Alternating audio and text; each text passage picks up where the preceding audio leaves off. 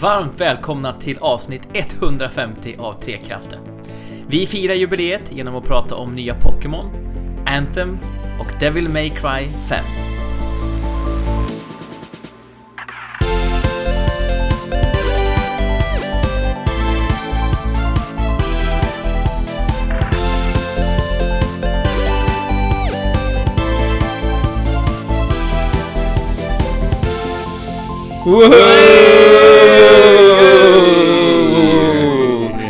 Välkomna kära vänner tillbaka till Trekraftens podcast. Vi pratar om spel hörni, det vet ni väl vid det här laget. Och vet ni inte det så har ni fått reda på det nu. Och vi har ju, förutom mig Jesper Englin, så har vi med oss eh, Alexander. Sitter här, Alex, Alexander, det känns ovant att säga. Ja, det gör det verkligen. Det är som att du har gjort någonting dumt. Ja, Ja, precis. det är ju verkligen det. Det, är- det är ju det man fått höra när man har varit bråkig. Då blir man ju kallad för sitt fulla namn. Precis, och du har inte spelat så mycket spel till idag så det kanske är lite att du får det här... Eh, eh, Fy. ett bannande finger från mig. Mm. Mm. Men välkommen i alla fall. Tack så mycket, tack så mycket. Är det så att du drar en snabb check om du möjligtvis har gjort något dumt när du blir tilltalad så Alex? Uh, alltså det var väl så förut, men det har väl, eh, det har väl försvunnit med åren tror jag. Men förut då, då fick man sig en fundera direkt när man hörde någon kalla mig för Alexander. Det var ju det värsta man visste när man var liten och blev utskälld. Mm. Åh fy. Fortfarande obagligt men inte riktigt på samma sätt kanske. Nej. En person som vi inte tänker skälla ut speciellt mycket idag är ju Andrew. Välkommen du med. Ja men tack så mycket, det är jag glad över. Ja, jag har försökt komma på någon förlängning av ditt namn men det kändes svårt. Mm. ja. Ja, det är ju Andrew. Ja. Annars får vi kalla honom, men ingen kallar ju honom för Andy, utav oss. Nej, det är, det är min far typ. Ja. Det är ju, han borde ju ha facit kan man tycka. Ja. Men eh, ja, Fabian är inte med oss idag. Han eh, dödspluggar här sitt, eh, sin programmering som han håller på med. Mm. Just. Så vi saknar honom idag, men Vi får ju hoppas att han sitter och bygger sin egna robot. Det är ju det är hans drömprojekt, att skapa sin egen Ja. robot. Och det är ju Precis. kanske det han håller på med. en sån här drone som helar folk som i Apex. Mm. Ja, eller en sån här robotprotesarm. Som Nero Ja. i Devil May Cry 5. Just det. Det var en ännu mer aktuell referens, faktiskt. Men innan vi hoppar in i eh, monsterslaktande och eh, motorcyklande och allt vad vi har gjort så undrar jag lite vad vi har gjort utanför spelens värld. Alex, du har ju befunnit dig i någon slags gränsland i alla fall. Ja, alltså jag har ju inte hunnit spela jättemycket sen eh, för två veckor sedan när jag och Anders spelade en podd. Utan jag har ju befunnit mig i en riktig spelutvecklardimma. Och egentligen uteslutande suttit och försökt göra små spelprojekt i Unity. Vilket har varit helt Mm. fantastiskt roligt. Ja. Helgen som var här så har jag faktiskt eh, haft ett game jam med, med mig själv och min sambo på ett litet hörn. Vilket eh, var riktigt, riktigt roligt. För att jag har ju egentligen tidigare bara kört game jams i grupp. Men nu var det så här, nu fick jag göra det helt själv. Och fick liksom smalna av det här eh, projektet till någonting som jag så trodde att ah, men det här är rimligt att jag hinner göra på, ja vad var det, det här, sjut- tre dagar som jag körde det här game jammet på. Och din sambo då var ansvarig för Eh, hon eh, ritar ju. grafik. Precis. Eh, Linda, min sambo, är hon som har också ritat eh, viss grafik till oss i Trekraften. Bland annat våran logo som har hon gjort också. Just det. Så det är, är lite av hennes Kul grej att göra tillsammans också, verkligen skapa någonting. Ja, vi, vi insåg ganska snabbt att vi, hon har ju aldrig ritat digitalt på det här sättet och hållit på att animera heller. Och eh, vi använde oss av ett enklare sätt att göra 2D-animationer. Vilket egentligen är att man bygger upp skelett på de här figurerna och sen kan du bara rotera och justera skelettdelarna på eh, 2D-grafiken. Vilket så här, det blir bra mycket lättare än att rita bildruta för bildruta i animationer. Men eh, det tog ju bra mycket längre tid än vad vi trodde. Så att eh, det vart inte så mycket art i spelet. Men vi kommer att ta vidare och fortsätta på det helt enkelt. Mm. Mm. Ja, det var ett slags eh, koncept som eh, lånade lite från Mario Galaxy i form av fysik, förstår jag det som. Eller jag såg det idag lite grann. Ja, exakt. Eh, gjorde typ, eh, alltså det ska bli något spel där vi hoppar mellan planeter i 2D och eh, det ska läggas till massa roliga och spännande mekaniker som jag håller på att experimentera med. Så får man se Mm. vad det blir. Eh, det, det är bra att stjäla idéer och twista och göra om det till någonting Ja. eget. Precis. Eh, och det är väldigt kul också för min del som sitter lite vid sidan, för du Andrew eh, ses ju dagligen på skolan, men det är kul att få se lite från sidan hur eh, ni utvecklas också. Eh, och gå från, kanske inte noll, men nära noll i alla fall när det gäller spelutveckling till, till en bra bit på vägen redan. Det är kul. Mm. Och det märks att ni blir bättre. Ja, vad roligt att höra. Ja. Eh, om, om ni är intresserade av att titta på de spelen jag har gjort så kan jag ju faktiskt eh, i beskrivningen länka till min lilla Itch-kanal där jag tror jag har tre spel uppe. Och det första laddade jag väl upp för kanske ett och ett halvt år sedan. Men eh, vi kan länka den i beskrivningen tycker jag, så kan ni spana in om ni är nyfikna. Det gör vi, tycker jag. Ja, och gör det. Ni som lyssnar, kik- kika gärna på spelen för det... Ja, som sagt, ni är på god väg att bli spelutvecklare. Det känns lite hisnande tycker jag. Mm. Mm. Samma här. Ja. ja. Vad, vad har du gjort Andrew? Du har uh, spelat desto mer, men har du hunnit med någonting? Nej men det är väl lite samma som Alex faktiskt. Vi har ju haft eh, mycket uppgifter i skolan att vi ska göra lite mindre spel i, i lärande syfte då såklart.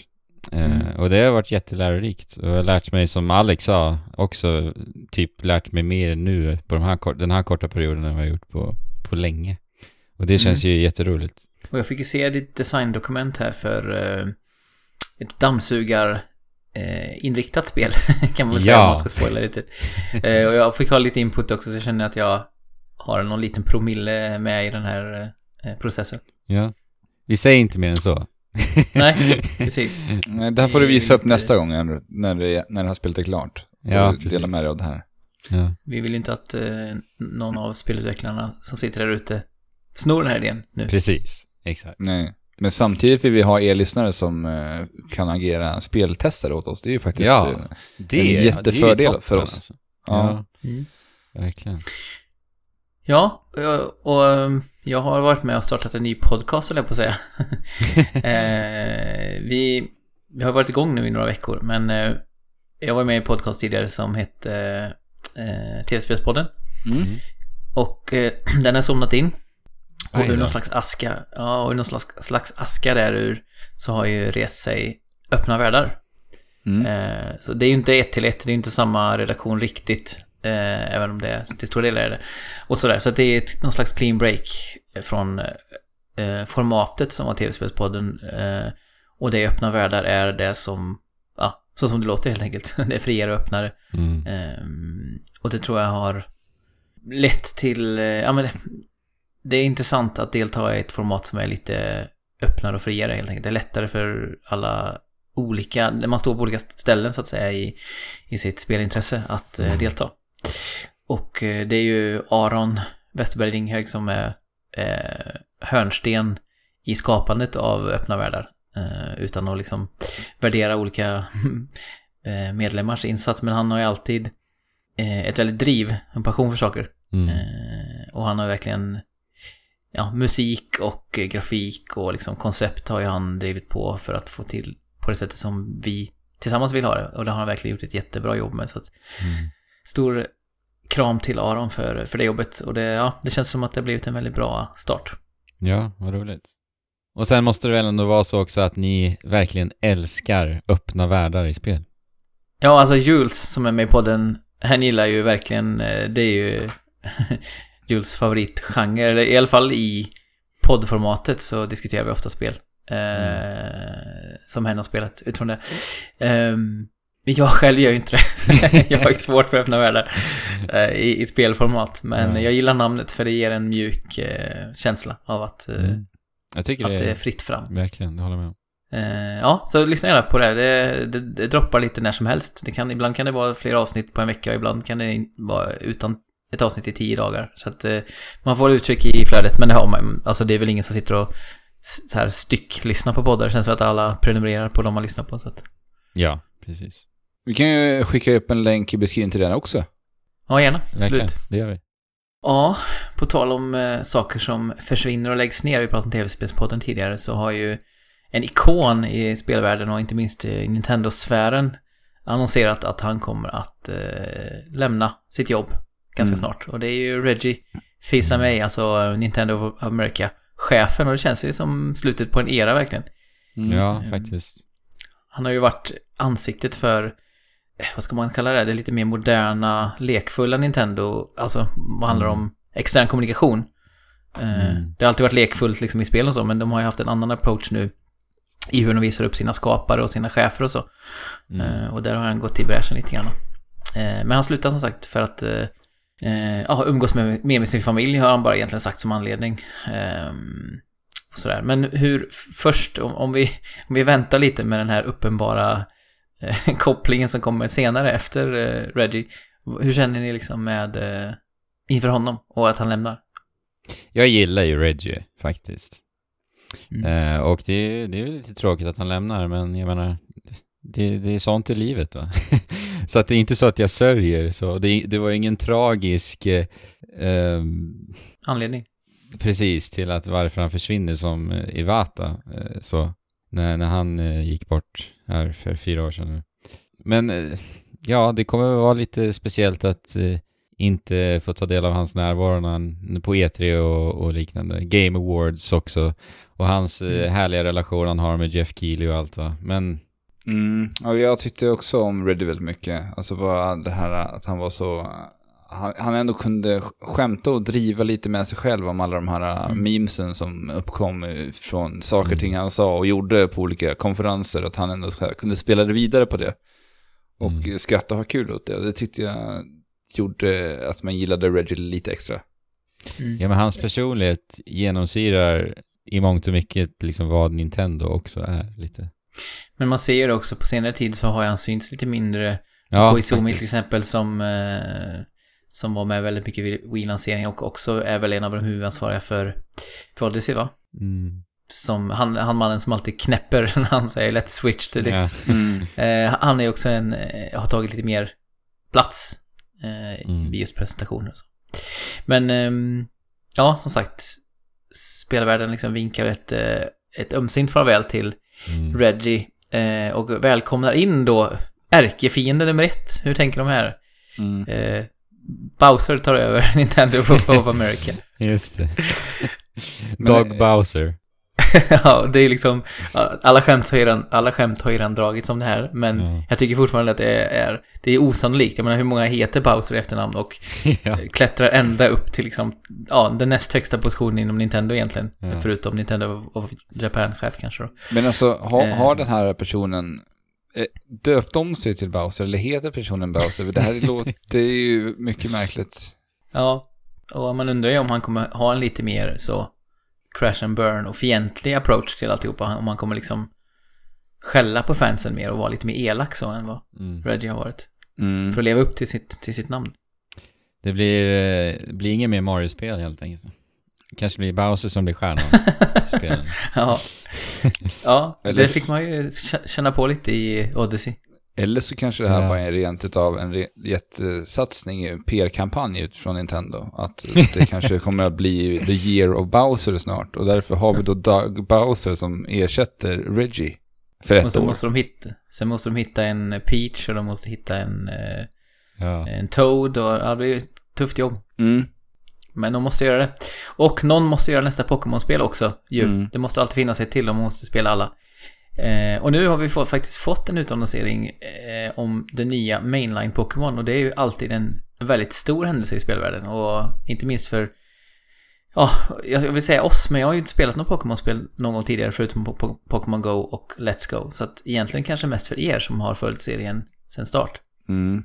Sen har ju du visserligen blivit väldigt Pokémonifierad det senaste året. Så ja, att du har jag väl blivit frälst. halkat in på det där också. Verkligen. Men eh, det var ju en sju minuter lång direct som de då utannonserade att det skulle bli. Eh, och strax därefter så skedde den. Hur tog ni er till den här... Eh, hur tog ni till er den här directen? Vad, poppade ni popcorn och slog er ner? Vi satt faktiskt i, vi satt faktiskt i skolan och kollade på det här tillsammans. Mm. Mm, hela klassen. Känns det som en optimal miljö på ett sätt? Ja, men det var kul. Särskilt med våran australienske kompis som köpte sin Switch enbart för det här spelet i stort sett. Mm. Så han var ju superpeppad och det smittade av sig. Men det var, det var kul, liten tillställning. Ja, jag fick ju uppleva det också lite speciellt första gången som jag och Nils såg en direct ihop i och med att det var liksom, var klockan... Tre tror jag det var. Tre, ja precis. Och jag jobbade hemma. Så då sa jag till Nils, ja kom nu ska vi ner och kolla på en grej här och så... han var ju, det är så kul, ta- tacksamt att titta med honom för han blir väldigt peppad. Eh, så det, var, det kändes lite som ett fint så här milstolpe eh, ögonblick i våra liv och se, se det här tillsammans. Och eh, mm, Sword and Shield heter ju, heter ju spelet. Mm. Det, spontant känns det lite, lite annorlunda. Eller lite... Ja, men det, Ja. det känns ju inte som direkta motsatser som eh, vi är vana vid med Black and White och Ruby Sapphire, Red and Blue. Det här är lite så här, ja, det skulle kunna vara yxa och svärd, liksom. Ja, det ska bli intressant att se vad, hur det eh, återspeglas i spelet då. Att det är svärd och sköld. Mm. Ja, för att det verkar utspela sig i Game Freaks tolkning på, uh, vad heter det, Storbritannien lite. Ja, och någon slags mix mellan modern och medeltid. Eller på något sätt. Något steampunk-aktigt nästan. Ehm, Så det ska bli, ja, det blir en kul miljö. Och världen ser ju väldigt fin ut. Alltså, man såg världskartan, den ser ju väldigt tilltalande ut tycker jag. Eh, Den här regionen. Har vi vad regionen heter? Kommer jag ihåg det? Galar heter den. Just det. Eh, men eh, vad tyckte ni då? Vad fick ni för intryck? Eh, Jag vet att eh, kanske eh, inte sån här euforisk glädje när man såg att det såg ut ungefär så som Pokémon-spelen har gjort nu på senare tid. Ja, alltså det där tycker jag ju är lite av det tråkiga med Pokémon. Alltså om vi tittar så här, den estetiska evolutionen på Pokémon-spelen så har de ju tagit väldigt eh, så här, små steg för varje, varje nytt spel som har släppts. Mm. Och bara byggt vidare lite på det varje gång. Och det har de gjort här gång, den här gången också. Visserligen är det bra mycket mer detaljerat i det här spelet, vilket eh, såklart är supertrevligt och väldigt välkomnande. Men eh, jag hade nog önskat... Eh, man, man- jag går ju fortfarande och drömmer om det där Pokémon-spelet, där vi kan gå runt i en fri värld, se Pokémonen överallt och Men det gör ju jag alla. hoppas... Ja, det gör ju alla. Och vi Mm. går ju bara och väntar. Och det, jag, man börjar inse att det kommer ju typ aldrig att hända. Nej, alltså jag, jag tror ju att det måste ske något drastiskt för att det ska hända. Alltså, jag menar, Pokémon-spelen säljer ju eh, 10 plus miljoner varenda år. Och om Mm. det slutar ske, då kanske Game Freak kommer gå tillbaka till ritbordet och tänka, hmm, hur ska vi innovera Pokémon-serien? Det finns ingen anledning för dem att göra det nu, egentligen. Nej, så, så länge som det säljer. För att jag menar, Ja. det, det där Pokémon-spelet eh, skulle ju kräva enormt mycket mer resurser. Jag menar att göra Ja. fullt renderade 3D-modeller utav alla de här Pokémonsen och animera varenda liten Pokémon. Och alla ska Ja. ha olika attribut och fungera olika, vilket är ett extremt jätte, jättejobb. Mycket Så- större studio också. För Game Freak, Mm. de är ju bara 150-200 anställda liksom. Ja, Så, så visserligen förståeligt där också. jo. Men det som är lite kanske tråkigt eller så är ju att det som du beskriver Alex, lite, alltså några steg däremot tog man ju med Let's Go. Mm. Eh, Att man såg eh, eh, Pokémon gå runt i världen och man kunde liksom antingen välja att undvika dem eller Exakt. Mm. strida med dem. Och det gav ju både världen liv och även ja, möjligheten då att skippa himla random encounters om man inte behöver grinda just för tillfället. Eh, Och det hade jag ju verkligen hoppats på att man hade tittat på och tagit med det till Sword and Shield också. Men Ja, som, det som det liksom verkade i, i den här trailern så verkar vi vara tillbaka på Random Encounters igen. Och då spelar jag ju samma Pokémon-spel jag har spelat sen, sen jag var lillgrabben liksom. Och Mm. det börjar jag ju bli rätt så uttråkad utav. Alltså när vi spelade Sun and Moon senast så, så vart jag riktigt trött på det i slutet. Det vart bara så här långtråkigt och, nej jag vet inte. Du har väl spelat typ alla generationer egentligen? Ja, nästan alla Pokémon-spel har jag spelat. Det är väl Ja. något jag missade där på Game Boy Advance, tror jag. Mm. Jag har ju spelat eh, fyra generationer nu. Mm. Och jag känner mig också ganska mätt på konceptet. Ja, men men min största besvikelse är nog just eh, Random Encounters. Det, Ja. Bara just det tycker jag känns väldigt utdaterat idag. ja, eh, verkligen. Men sen kan man väl ändå hoppas, eh, Jesper du pratar ju om det här att, att blåsa liv i, i den öppna världen med att ha Pokémons ute i det vilda. Och vi ser ju i trailern att, att karaktären eh, som smyger i gräset och sen så inleds en, en strid. Och jag Mm. kan väl i alla fall hoppas på något sätt att det kanske kommer vara skuggor som rör sig, att man ser att det är någonting där, att gräset eh, rör på sig och sen behöver vi smyga fram, alltså att de i alla fall gör någonting med hur vi stöter på Pokémons i, i världen. Mm. Eller att man kanske går förbi ett träd och sen så rasslar det till i trädet. Att det liksom inte bara är på de här gräsplättarna som vi är så vana att se. Och det är ganska orealistiskt med random counters om man tänker efter också. Det är sällan man bara springer in i någon på stan och blir helt överraskad över Oj, det stod en människa där. Det händer ju Ja. ganska sällan. Mm. Eh, Om, det inte är så eh, att du vill man går, s- om det är så att du inte går och tittar ner i din telefon hela tiden, för då händer det ju faktiskt Just ganska ofta mycket. Ja, och Ash gör ju det ganska ofta i sin Pokédex, så det kanske ändå finns en viss logik i detta. Det gör Jag, har- jag har ju sett så här, vissa har argumenterat om att, att det inte blir samma överraskningsfaktor om, om Pokémon skulle röra sig i världen. För att ni vet ju det här siluetten som uppdagas när striden inleds och sen, hmm, vem är det? Sen Mm. millisekunder senare så ser man att, ja, det är en Pikachu.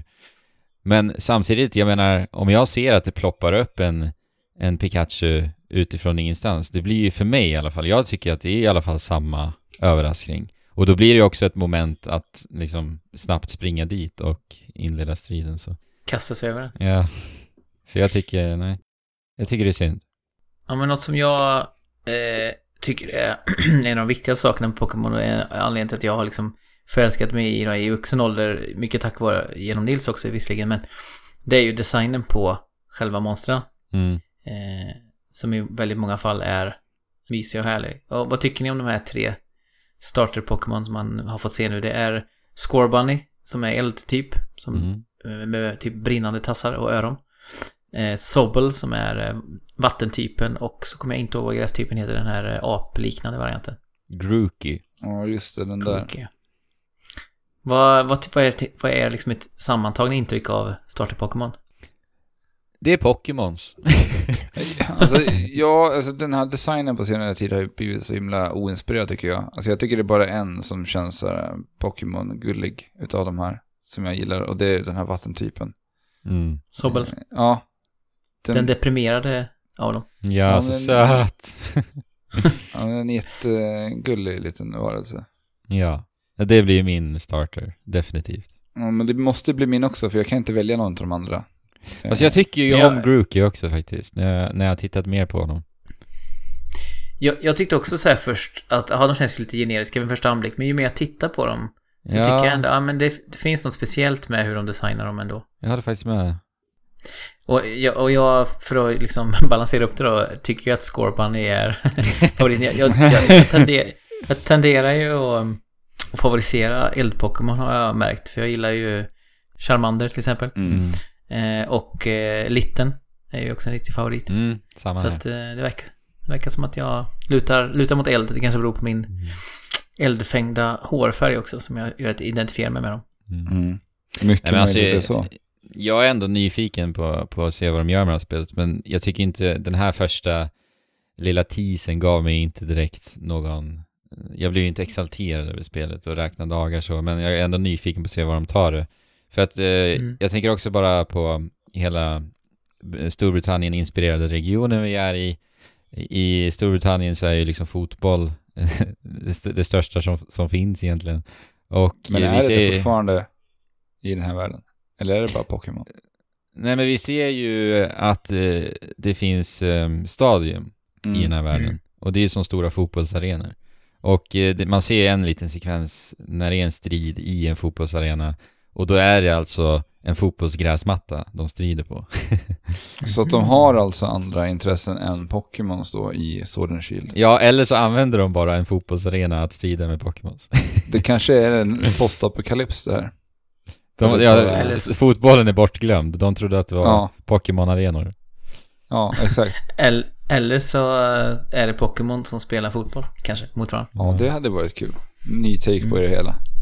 Men jag fick eh, faktiskt lite tankar av det här och, och eh, vi ser ju i slutet på trailern att eh, en person kliver in i den här fotbollsarenan och sen så fejdas det ut och är trailern över. Mm. Och det vore ju häftigt att se om, om det här tar en ganska stor plats. Att när jag tänker fotboll och Storbritannien, då är det ju Premier League och det är en liga liksom. Att man har som ett lag som man eh, kämpar för. Och det hade varit häftigt att ha det i Pokémon-kontext tror jag. Att, att du har som en liga konstant runt om i världen och sen så spelar du matcher för att hålla dig kvar i ligan. Liksom. För att man ser ju att personen går in med, med en lagtröja så att säga.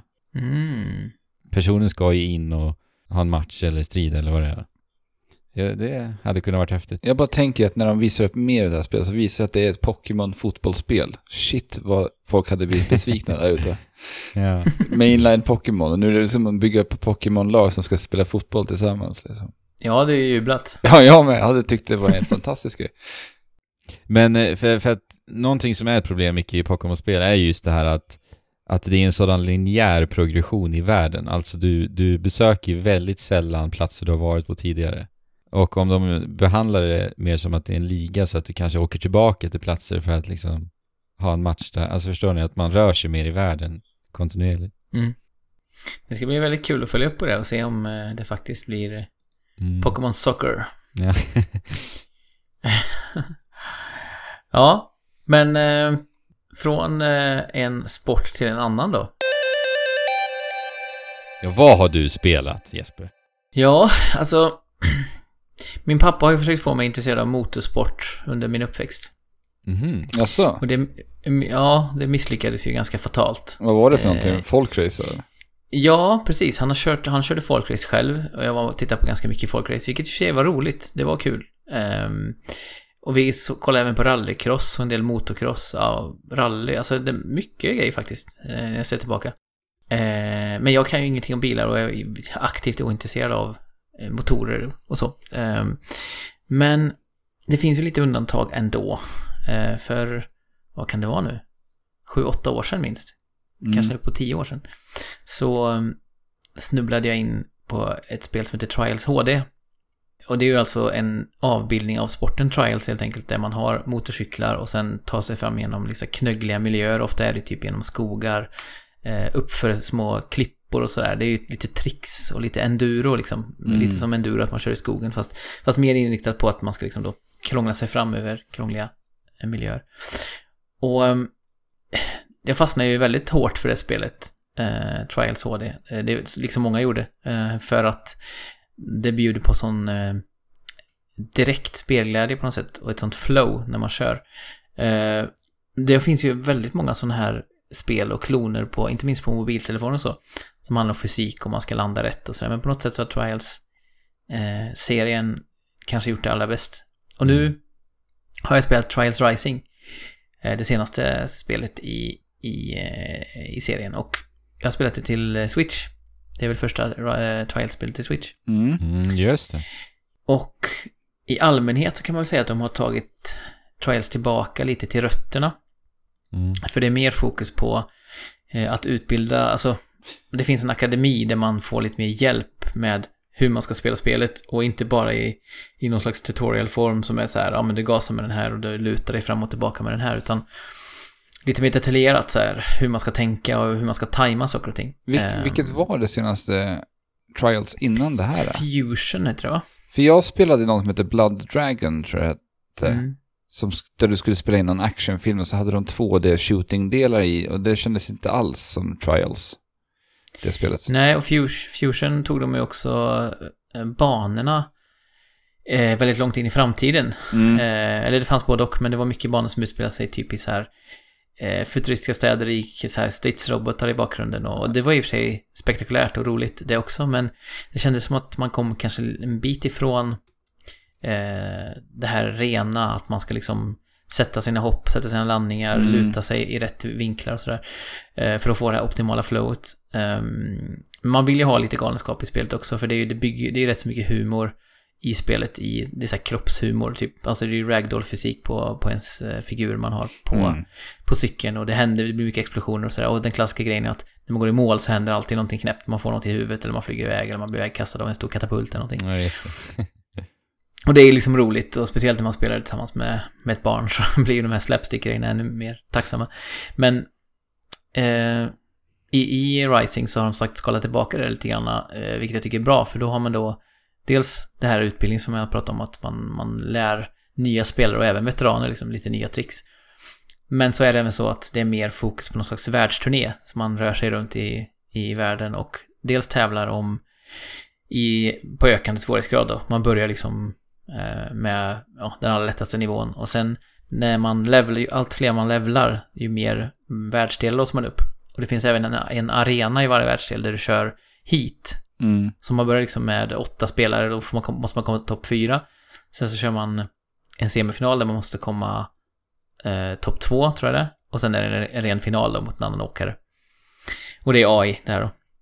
Och även banorna är ju då som sagt lite mer fokuserade på, ja men, mer på själva tekniken i åkningen än spektaklet runt omkring. Um, sen har den lite märklig inramning för det är någon slags eh, mikrotransaktioner i spelet. Eh, och lootboxar, men det spelar liksom ingen roll för någonting i spelet, det är rent kosmetiskt. Mm. Eh, och man får en lootbox per level, så jag, men man måste uppkoppla mot nätet när man ska öppna lootboxarna. Så jag spelade det här på tåget till jobbet i Göteborg. Jag hade inget nätverk, så jag hade samlat ihop 35 lootboxar tror jag, eh, Oj. när jag kom hem efter dag två. Och då fick ju Nils händerna på, på det, så han kunde öppna 35 lootboxar på en gång. Eh, och tyckte det var väldigt kul att så här, det är en av hans favoritgrejer, att utsmycka åkaren och, och, och motorcykeln och så. Så det är lite kul, men det är också lite märkligt, för det känns som att så här, mm, jag vet inte, jag vet inte om det behövs riktigt i det här spelet. Nej. Eh, men med det sagt så är det en ganska... ja, Man kan strunta i den helt, och hållet om man vill. Någonting som gjorde att jag fastnade för Trials, förutom fysiken och den roliga åkkänslan, är ju eh, dels att man kan nöta sina egna tider hela tiden och skala ner liksom sekund för sekund, lite speedrun-aktigt så. Men också att eh, ens kompisar, eh, det var väldigt många som spelade just Trials HD, så man fick på Xbox 360 då en massa så här, spöken. Ja, Eh, då just kan man välja om man ska hålla på eller inte. Så man kunde se hur man låg till gentemot sina kompisar. Och det var ju, det har jag sagt förut i i podden tror jag, att det är det som triggar mig mest av allt i tävlingskontext. Att se vad mina kompisar har presterat och sen försöka överträffa det. Ehm, jag kan bli helt besatt av att spela samma bana så här en och en halv timme om jag bara eh, liksom Det, där, får... det där minns jag så väl när vi spelade Trials HD, hur jag och Anders satt och försökte bräcka varandras spöken hela tiden. Det, Ja. det, det var helt fantastiskt. Och det det bidrar till, förutom den här tävlingsinstinkten, är ju också att man faktiskt lär sig banorna in i minsta detalj. Och det blir så himla kul, för då det är som att man liksom tar sig in under skinnet på spelet verkligen. Och, och eh, ja, man får ut mycket mer av spelet tycker jag. När man Mm. eh, just så här förkovrar sig så hårt i, i en bana. Men alltså, det, när jag tänker på spel som Trials och, och andra liksom så här extremsportspel, då blir jag alltid så här, jag blir alltid lika förvånad över hur, hur länge kan det vara kul att hoppa upp i luften och flippa och snurra? Mm. För att jag, Ja, jag njuter ju minst lika mycket idag som jag gjorde när jag var liksom tio år gammal och spelade den här typen av spel. Mm. Så här extremsport, jag, jag, jag går verkligen igång på det fortfarande. Extremt mycket. Det är, och det är någon slags... Ja, men det är väl någon slags belöningssystem i hjärnan, för det är så otroligt skönt att sätta det perfekta hoppet eller få den perfekta bågen ner i rampen. Det är, ja, det är extremt tillfredsställande och det finns ju ganska få extremsportspel idag jämfört med hur, hur det var liksom på Mm. slutet på 90 och början- på 00-talet så var det ju mycket mer Verkligen. den här genren. Så att på det sättet så är det ju väldigt tacksamt att, att, att eh, Trials fortsätter. Det här är ju ett av de bättre eh, Trials-spelen, men några saker som är lite negativa är att eh, menysystemet är lite in, ointuitivt. Det är lite så här klumpigt och den här världsturnén, den hade kunnat vara lite mer strömlinjeformad. Att det hade bara hänt, liksom. Nu får man gå runt på en världskarta och det är lite otydligt var man har varit och inte och sådär. Eh, sen spelar vi spel på Switch som sagt. Dels är det lite synd för att, ja, det är inte så många som spelar det på Switch eh, av mina kompisar. Så jag har, spökena jag har är liksom eh, datorgenererade. Eh, och sen så är det faktiskt ganska märkbart att eh, Switchen orkar inte riktigt med eh, att driva igenom allt som händer på banan. Det är ju som sagt mycket som händer i bakgrunden och så. Det är mycket fysik som händer. Ja, och det märks ganska tydligt. Dels så laddar texturer in lite allt eftersom, till exempel när man ska starta ett lopp så första två sekunderna så är det lite så här blurrigt nästan och sen så poppar de in. Ja, okej. Och Det är ändå även märkligt man... alltså. Ja, det känns som att switchen... Men jag tror det känns generellt som att Trials inte är superoptimerat. Jag märker det på PS4 också när jag spelade Ja. eh, Fusion, att det är lite, inte laggigt, men det är lite så här... Ja, men det hoppar till lite ibland. Det, det droppar frames ganska, ganska mycket. Men det märks extra tydligt på den här versionen när man till exempel kommer upp i topp och så är det fyrverkeri bakom och sen så är det någon tunna som rullar och så. Så det är lite, det är inte något som stör egentligen så att du inte kan eh, sätta dina hopp som du ska, men det förstör ju lite känslan ändå av flow som, man, som är det man vill uppnå i det här spelet. Så Jo. lite minus ändå. Men samtidigt, att, att kunna ha det med sig på tåget, det är liksom ren lyx fortfarande. Så att det kanske jämnar ut sig. Finns det någon eh, lokal multiplayer i spelet? Ja, det gör det. Eh, det, det är bra. Det finns både eh, att man kan tävla mot varandra på vilka banor man vill och liksom med olika förutsättningar man kan ställa in. Och man kan, man kan till och med ställa in, ställa in så här bett. Spelet uppmanar en att så här, det kommer upp typ så här, kanske 20 olika ikoner innan när man startar en bana. Vad vill ni betta om? Okej, vinnaren måste, eller förloraren måste köpa en pizza till vinnaren, kan vara en ikon liksom. Eller Jaha, eh, okej. måste sjunga en sång för vinnaren, eller för förloraren. Så här. Så de, har- de har Eh. verkligen tagit det här partyspelsgrejen och spelat vidare lite på det. Mm. Och det roligaste slash knäppaste av allt är att man kan spela på en tandemcykel på alla banor. Okej. Eh, Så att man styr, båda har lika mycket värde i sina input. Så att om Andrew gasar och du bromsar Alex så kommer ni liksom stå stilla. Jaha. Mm. Eh, Ja, vad roligt. och luta sig båda framåt så blir det liksom dubbelt så mycket, nej inte dubbelt så mycket men 120% eh, fart liksom. Så att Mm. man måste hela tiden balansera och samma sak med farten. Du kan ju faktiskt, alltså det, det absolut bästa sättet att spela Trials på om man ska sätta grymma tider är ju att vara en supersynkad kombo för man får 120% fart när båda gasar max. Ja, just det. Eh, Det, där, så det är lite intressant. det där låter som någonting man kan testa och spela om man behöver vässa samarbetet i sin relation där hemma. Verkligen. Och det är väldigt stor risk att man blir frustrerad på varandra i det här spelläget. Det där låter som också Eh. en, att det kan bli en imponerande AGG, AGDQ eh, sprint. Precis. Sprint. eh, Awesome Games. Done quick. Ja. Ja. Speedrun. Men nu har vi alltså. upp... Precis. En speedrun. Mm. Eh, vi har eh, uppe, uppehållit oss lite för länge på den här specifika speedrunnen som kallas för Trials, Trials Rising. Så vi rör oss vidare. eh, tar på oss en eh, raketryggsäck och burnar iväg ännu fortare. Eh, rakt ut i regnskogen, egentligen. Ja. Mhm. Det är ju Anthem jag pratar om förstås. Eller förstås, det kanske inte var, det kanske inte var så lätt att förstå. men det är, det är alltså Biowares eh, nya stora släpp som både är liksom EAs hopp och, eller har varit i alla fall, och någon slags make or break för Bioware har väl målats upp som. Eh, Ja. Nu har ju EA, EA lyckats klämma in Apex här som de bara mjölkar sönder, alltså med rätta. De får ju massa pengar för det Mm. spelet som är ett riktigt bra spel. Men så att nu kanske inte Anthems eh, plats i deras katalog är riktigt lika viktig. Men det är fortfarande så att det är liksom en riktig blockbuster och, och framförallt för Bioware som har, Mm. har det monumentala misslyckandet av eh, Andromeda bakom sig. Mm. Precis. Där de ställde in allt DLC till exempel. Eh, för att, ja, För att laga spelet delvis. ja, det är ju inte speciellt bra. Även om det såklart finns människor som har njutit av delar av, av Andromeda också. Men eh, ja, det var ju ett misslyckande totalt sett får man ändå säga. Mm. Ja, Eh, det är ju du och jag som har spelat det här Jesper. Ja, precis. Vi har ju jag har haft en liten, eh, vad ska man säga, en berg dalbana av eh, förväntningar innan spelet ska släppas. Alltså både du och jag har väl sagt ganska tidigt att ah, det här kommer nog inte bli eh, något spel som vi verkligen Nej. njuter av och som kommer upp på våra Gotilistor. Men vi har hela tiden sagt att ah, men vi ska spela det tillsammans i alla fall. Det kommer alltid vara lite roligt. Och jag har på en oförklarligt sätt, jag kan fortfarande inte riktigt förklara varför, blivit mer och mer peppad på spelet ju närmare det har kommit. Mm. Och medan din, din ark har varit tvärtom, den har liksom bara dippat mer och mer Ja. för varje dag som har gått. Sen peppade du upp mig att Ja. jag spelade med dig, så... Så, så det har vi gjort. Eh, Ja. Jag har ju spelat eh, fram till, eh, jag skulle säga två tredjedelar av spelet, någonting sånt i alla fall. Mm. Och, Jag, Du jag, spelat halva? Jag är level 10, jag vet inte. nej, men vi har, lagt, vi har lagt ett antal timmar i spelet i alla fall. Både Mm. på varsitt håll och tillsammans.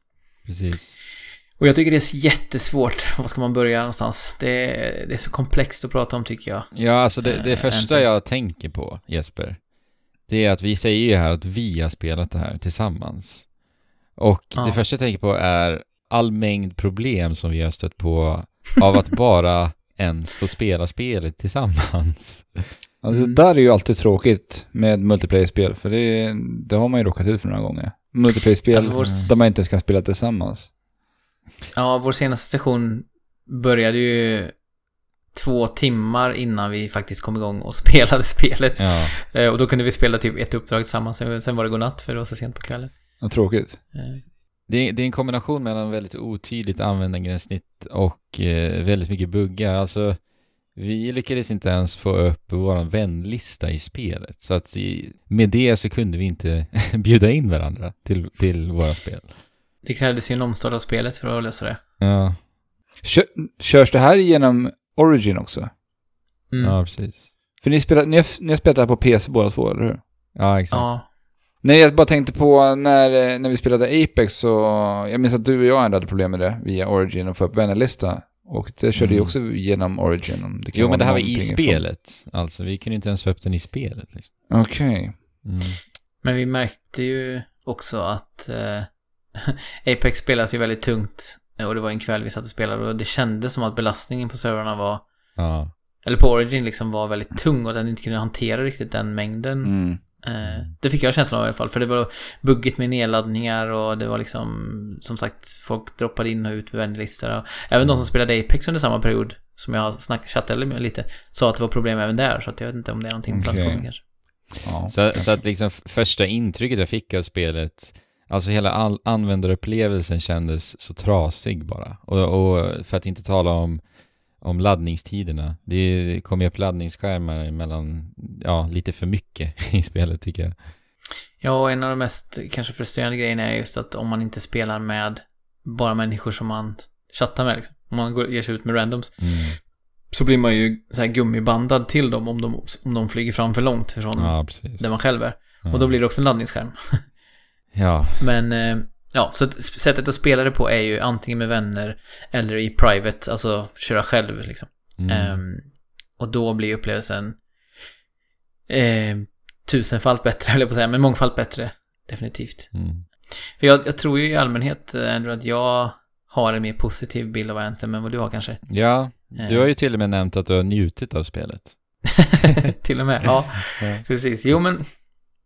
Alltså, det finns så himla mycket problem med Anthem och en av sakerna du nämnde är just eh, gränssnittet och hur man ens ska förstå vilket uppdrag man har för tillfället och sådär. Så det, Mm. ja, det är...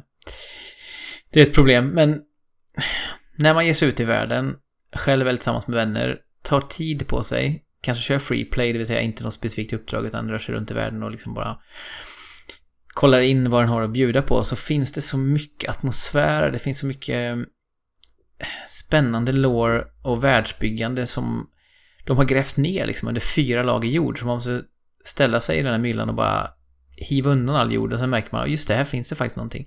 Och det är också klart en brist för spelet också, att, att man måste Ja. leta så himla hårt Precis. efter, efter det man, man njuter av. Men, men just det att att ge sig ut och kolla på de här landmärkena som finns. Det är ju väldigt, världen är ju, det är många som har beskrivit det som generisk och det, det håller jag faktiskt inte med om alls. Ehm, det är ju en regnskogsmiljö så att det är klart den kanske inte är så varierad men det finns ju till exempel ett stort träd på ett ställe. Mm. Flyger man in i det trädet och läser på en så här liten lårskylt så står det att det här trädet är egentligen ett eh, uråldrigt monster som levde här tidigare, som gick runt, men som, jag kommer inte ihåg vilken, vilken orsak, men den dog i alla fall och så blev det som, den blev liksom inkapslad i trä, eller den blev trä i princip. Så det är nästan skelettet som står där fast det ser ut som ett träd då.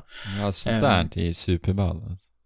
Ja, och det kan man uppleva i det här spelet. Jag har även upplevt en sån här strider, det är sån här som i Star Wars nu heter AT-AT, såna här stora maskiner som går runt. Eh, och de används ju som transport, eh, för det är ju en farlig värld. Så att vi upptäckte en, en World Event, alltså en sån här, eh, ja men det händer någonting i världen och så samlas spelare för att försöka eh, lösa det. Oftast är det ju ganska eh, så här rudimentärt, då. Skjut fyra vågor och fiender. Nej, säger du det? Eh, och, och det är ju en brist vi kan komma in på alldeles snart också, men, men i, just det, på just det uppdraget så eh, var det en sån här strider då, eh, och vi ja, slog bort fienderna, eh, undersökte stridern, fick lite eh, loot, och sen senare när jag utforskade det här Fort Tarsis, som är den här hubben man rör sig runt i då, mellan uppdragen, eh, så var det bara i en bar någon sa så här, ja, jag får ta över den här baren nu för att eh, Eh, Den förra ägaren dog i en eh, olycka i, som inkluderade en strider. Och den blev överfallen någonstans. Så jag bara... Aha. Och det fanns liksom ingen... Det var ingen så här eh, trigger som gjorde att det hände, utan de två sakerna eh, fanns i världen oberoende av varann. Mm. Och jag råkade bara snubbla över dem. Och det är väldigt ofta så, har jag märkt egentligen, att det, man får liksom inte kastat i ansiktet på ont till kanske 80%, men de här 20 sista procenten är det på väldigt gott, för det blir väldigt häftigt när man väl upptäcker Mm. de här små sakerna. Eh, men som sagt, de gör det väldigt svårt för en att, att njuta av det och upptäcka de där sakerna. Ja men alltså jag, jag håller inte heller med om att, om att världen är generisk. Jag tycker att den är otroligt vacker och skalan är ju verkligen fantastisk. För att det vi gör i spelet är att vi flyger omkring i våra Iron Man-dräkter. Javelins, som de heter. Mm. Eh, och flygandet känns ju väldigt härligt.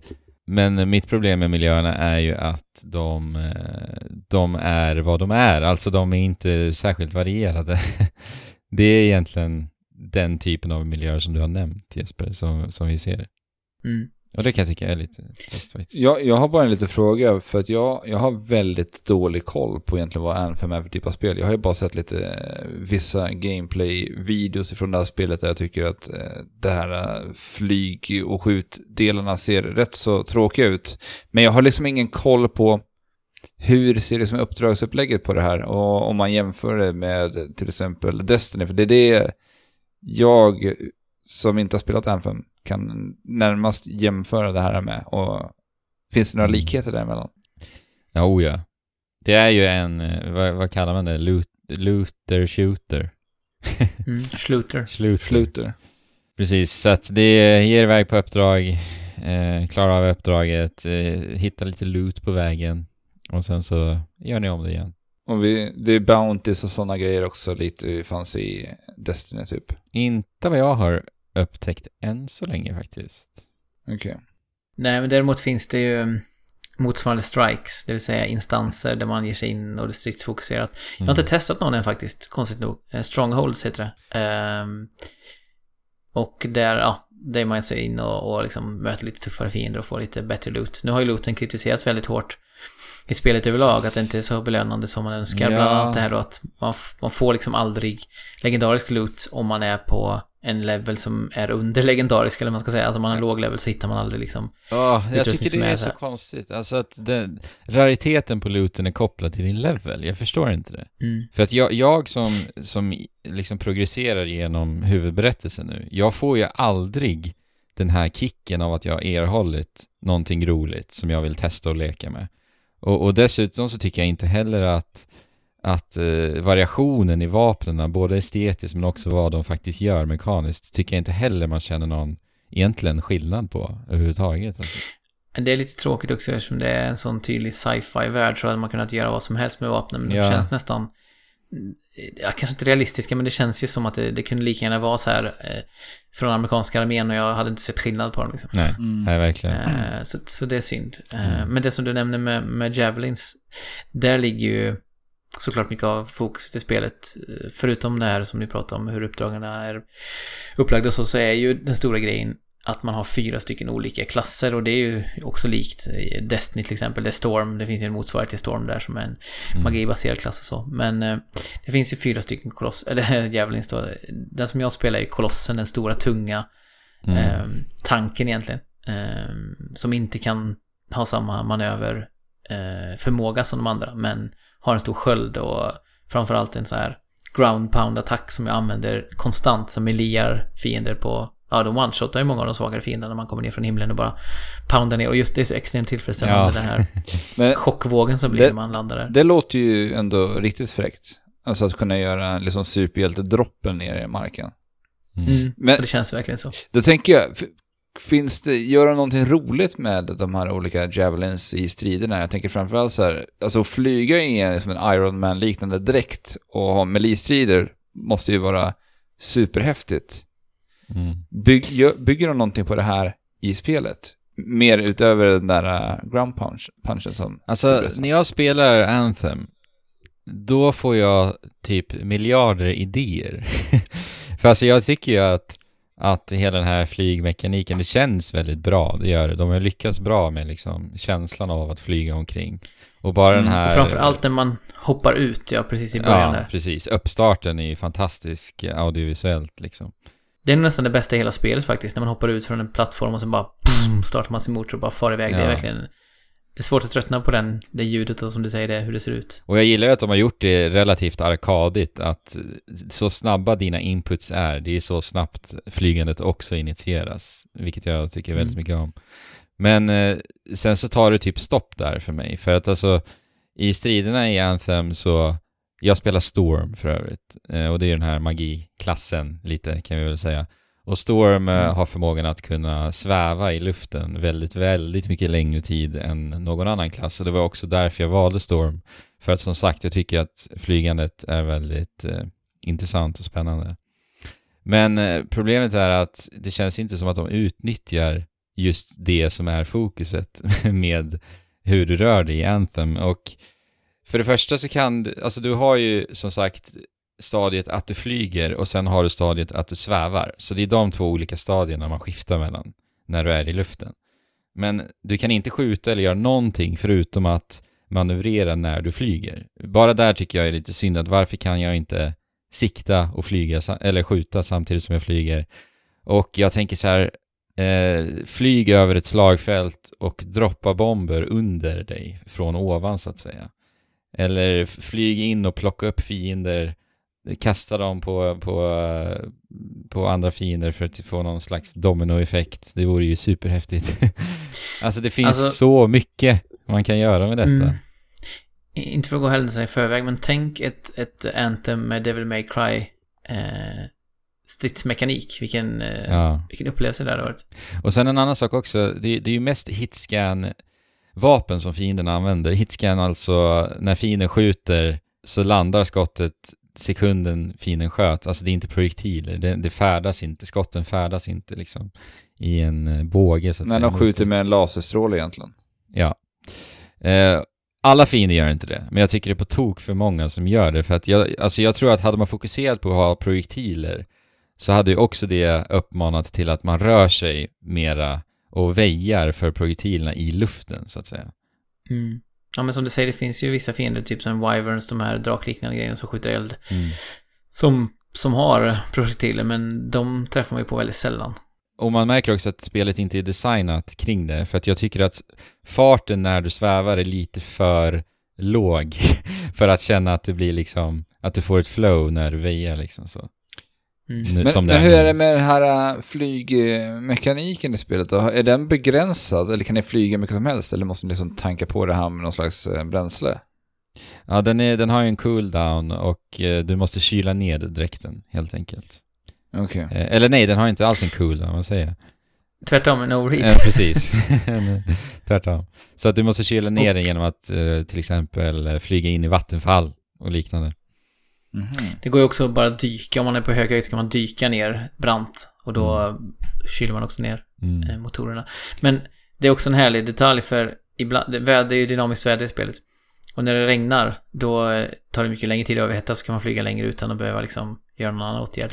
Mm. Eh, Tänkte vad, Och, vad bra vi hade, om vi hade haft den här typen av bränsle i det verkliga livet. Mm. Bara komma längre om det regnar. kyla ner motorerna bara, så kan vi bara åka i all evighet. Alltså på Ja. förhand tyckte jag att det lät som en ganska rolig liten eh, metadel i när du ska transportera dig. Men sen så här Jesper, när jag spelar här så inser jag att världen är inte särskilt bra designad ut efter det här. För det är ju väldigt ofta jag känner att men det finns ju ingenstans att kyla av mig nu. Och då måste jag ändå så här Mm. störta ner och landa. Och sen vänta tills jag har kylts ner och hoppa iväg igen. Och för jag, man vill ju känna att man ständigt är på väg och flyger. Och där fick jag också en idé att, eh, har ni spelat eh, Steep? Någon av er? Mm. ja, Ja. Ni vet den här wingsuiten som man kan eh, flyga med. mm. Eh, Den har ju en mekanik att när du flyger nära eh, marken eller nära bergsväggar så, så um, får du en boost i farten. Och det, det tänker jag hade varit väldigt kul mekanik att ha i Anthem, just när du transporterar dig. För det hade gjort att Mm. just transportsträckan blir en, en, ett roligt moment också, tror jag. Ja, det är ju en väldigt härlig känsla att svepa fram precis vid vattenytan och man ser liksom hur vattnet krusar sig och så. Men Mm. som, som du säger, en, ett mer fokus på den delen hade också... För vi transporterar oss en Eh. hel del liksom. Ja, jag gillar dock att dyka ner under vattnet Ja, den, det, är, det är häftigt faktiskt. Eh, dyka, på många ställen finns det ju då sjöar man kan dyka ner och där under så är det ganska häftigt. Eh, det är ofta så någon korall som lyser och så här olika färger och lite djur, sköldpaddor och annat under vattnet. Mm. Eh, och då blir det ju istället en, eh, det som blir overheat, var overheat blir istället en syremätare som håller ganska länge. Och just när man kommer upp från vattenytan och flyger upp i himlen igen, det är också en sån här riktig höjdarkänsla. Man bara pff, bryter vattenytan och sen upp i himlen. Och solen Eh, och det är bländar. Ja, så det. Det finns små guldkorn i Anthem som jag verkligen som jag verkligen håller i min handflata och tittar på och njuter av Mm. trots att liksom världen brinner utanför det i många fall.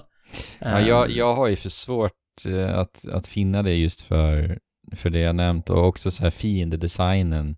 De, det känns bara som att det är svampar som jag skjuter på. De står ju ofta bara och tittar, känner jag. Fienderna i det här Mm. spelet. De är ju ganska generiska också. Alltså det är humanoida fiender. Även de som inte är egentligen är humanoider har ju liksom morfat in sig. Alltså det finns en insektsras som är små, små insekter som kan bli vad de vill. Mm. Och de har ju då format sig till människor. Så det är ju massa insekter som sitter ihop. Fast det ser man ju inte heller riktigt egentligen. Nej. Eh, Det hör man bara eh, i låren. Men- Men, ehm, Men också just att det, det finns ju inga ko kooperativa mekaniker kring fienderna heller. Det är väl typ de Det här ju- stora sköldbiffarna, det är väl typ dem.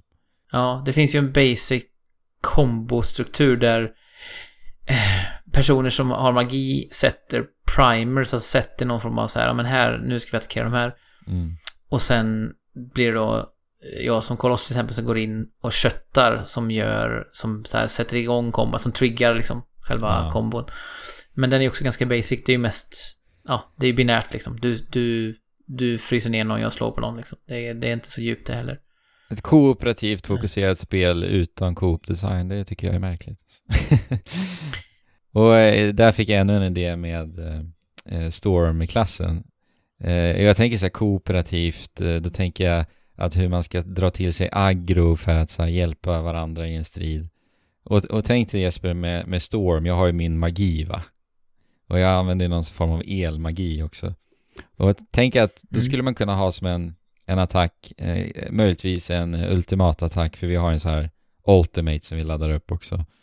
Att eh, jag fängslar fast en fiende med en elstråle. Och när jag fängslar fast en fiende med en elstråle så, så drar jag aggro från fienden. Mm. Och då skulle den här fienden kunna liksom skjuta projektiler mot mig som jag måste väja samtidigt som jag har den här elstrålen eh, och låser fast fienden. Och där har vi liksom ett, ett läge för er att bara mata attack. Alltså det går, jag får som sagt så massa idéer bara när jag spelar det. Och det, jag, Bioware, anställ Andy omgående. ja men det är liksom, det är så häftigt koncept och jag älskar ju liksom flygdelen. Men något vi behöver komma in på lite kort innan vi går vidare är ju att prata om storydelen och berättandet eftersom Bioware är kanske mästare på att väva ihop just så här episkt gameplay med, eh, med djup story och karaktärer och Mm. jag känner exakt likadant här som jag har gjort i de andra delarna att mycket är trasigt och dåligt. Ehm, vi har konstaterat att uh, Uncanny Valley är på någon slags all time high här för det är så snyggt. Mm. Eh, men man upplever också den här livlösheten som finns i ja. för att man ser det i första person. Ja, precis. Man är liksom, man står i princip liksom näsa mot näsa med karaktärerna man pratar med. Eh, så det är så lätt att se att, att de inte har liv i sina Ja. ögon liksom. Det är någonting själlöst som tittar in i din själ. liksom. Rakt in. Skräckupplevelse. Ja.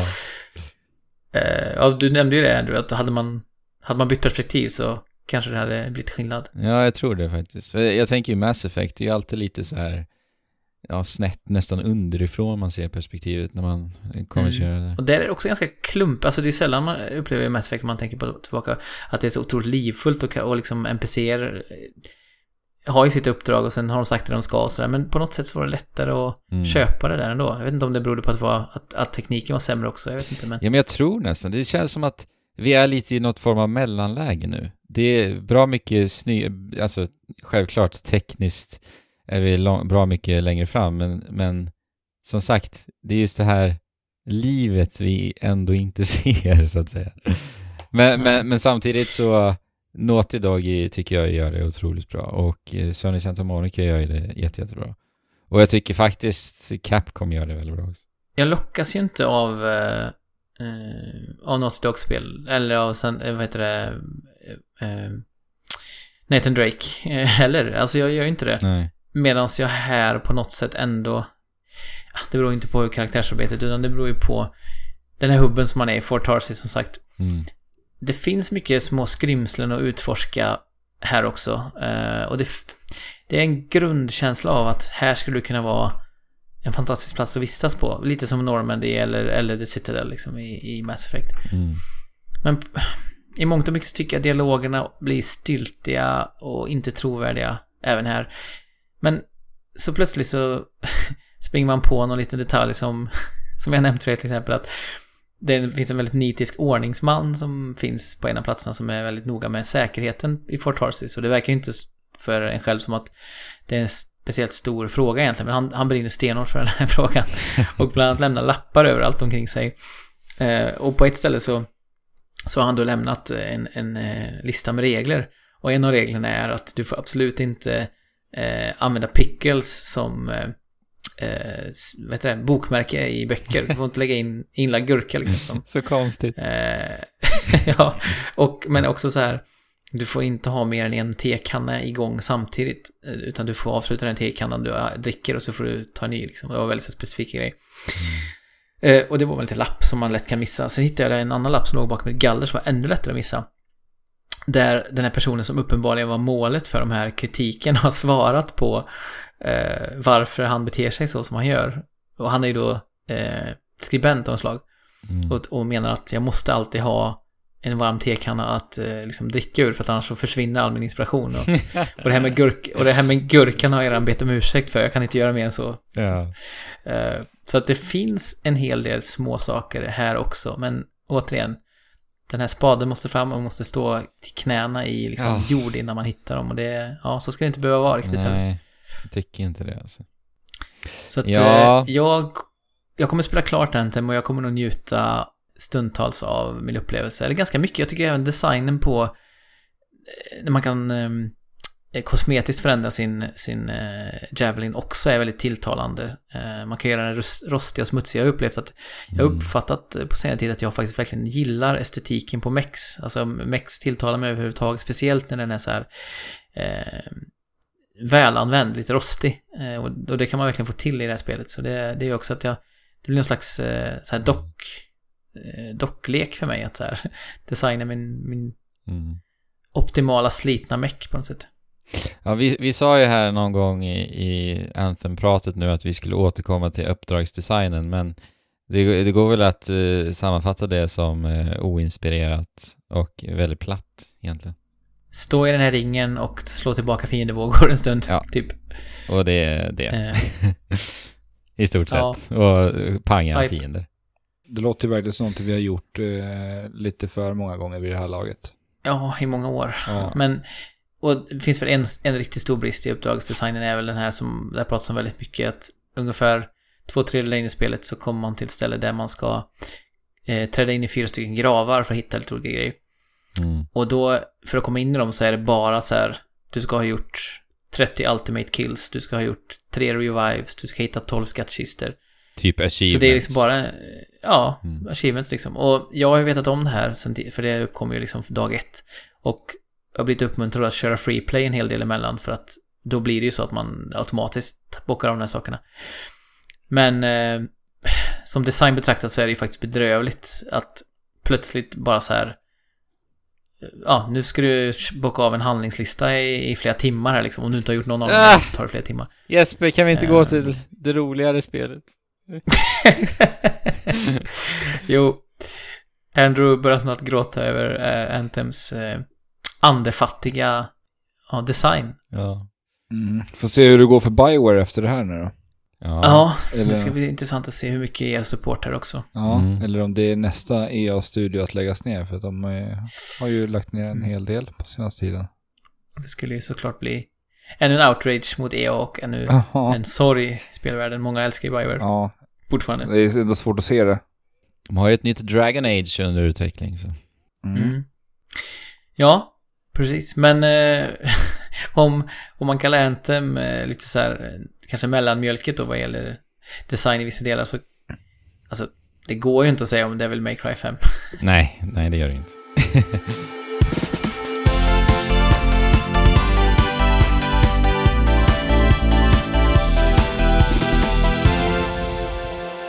Det är ju allt annat än lagom på alla plan.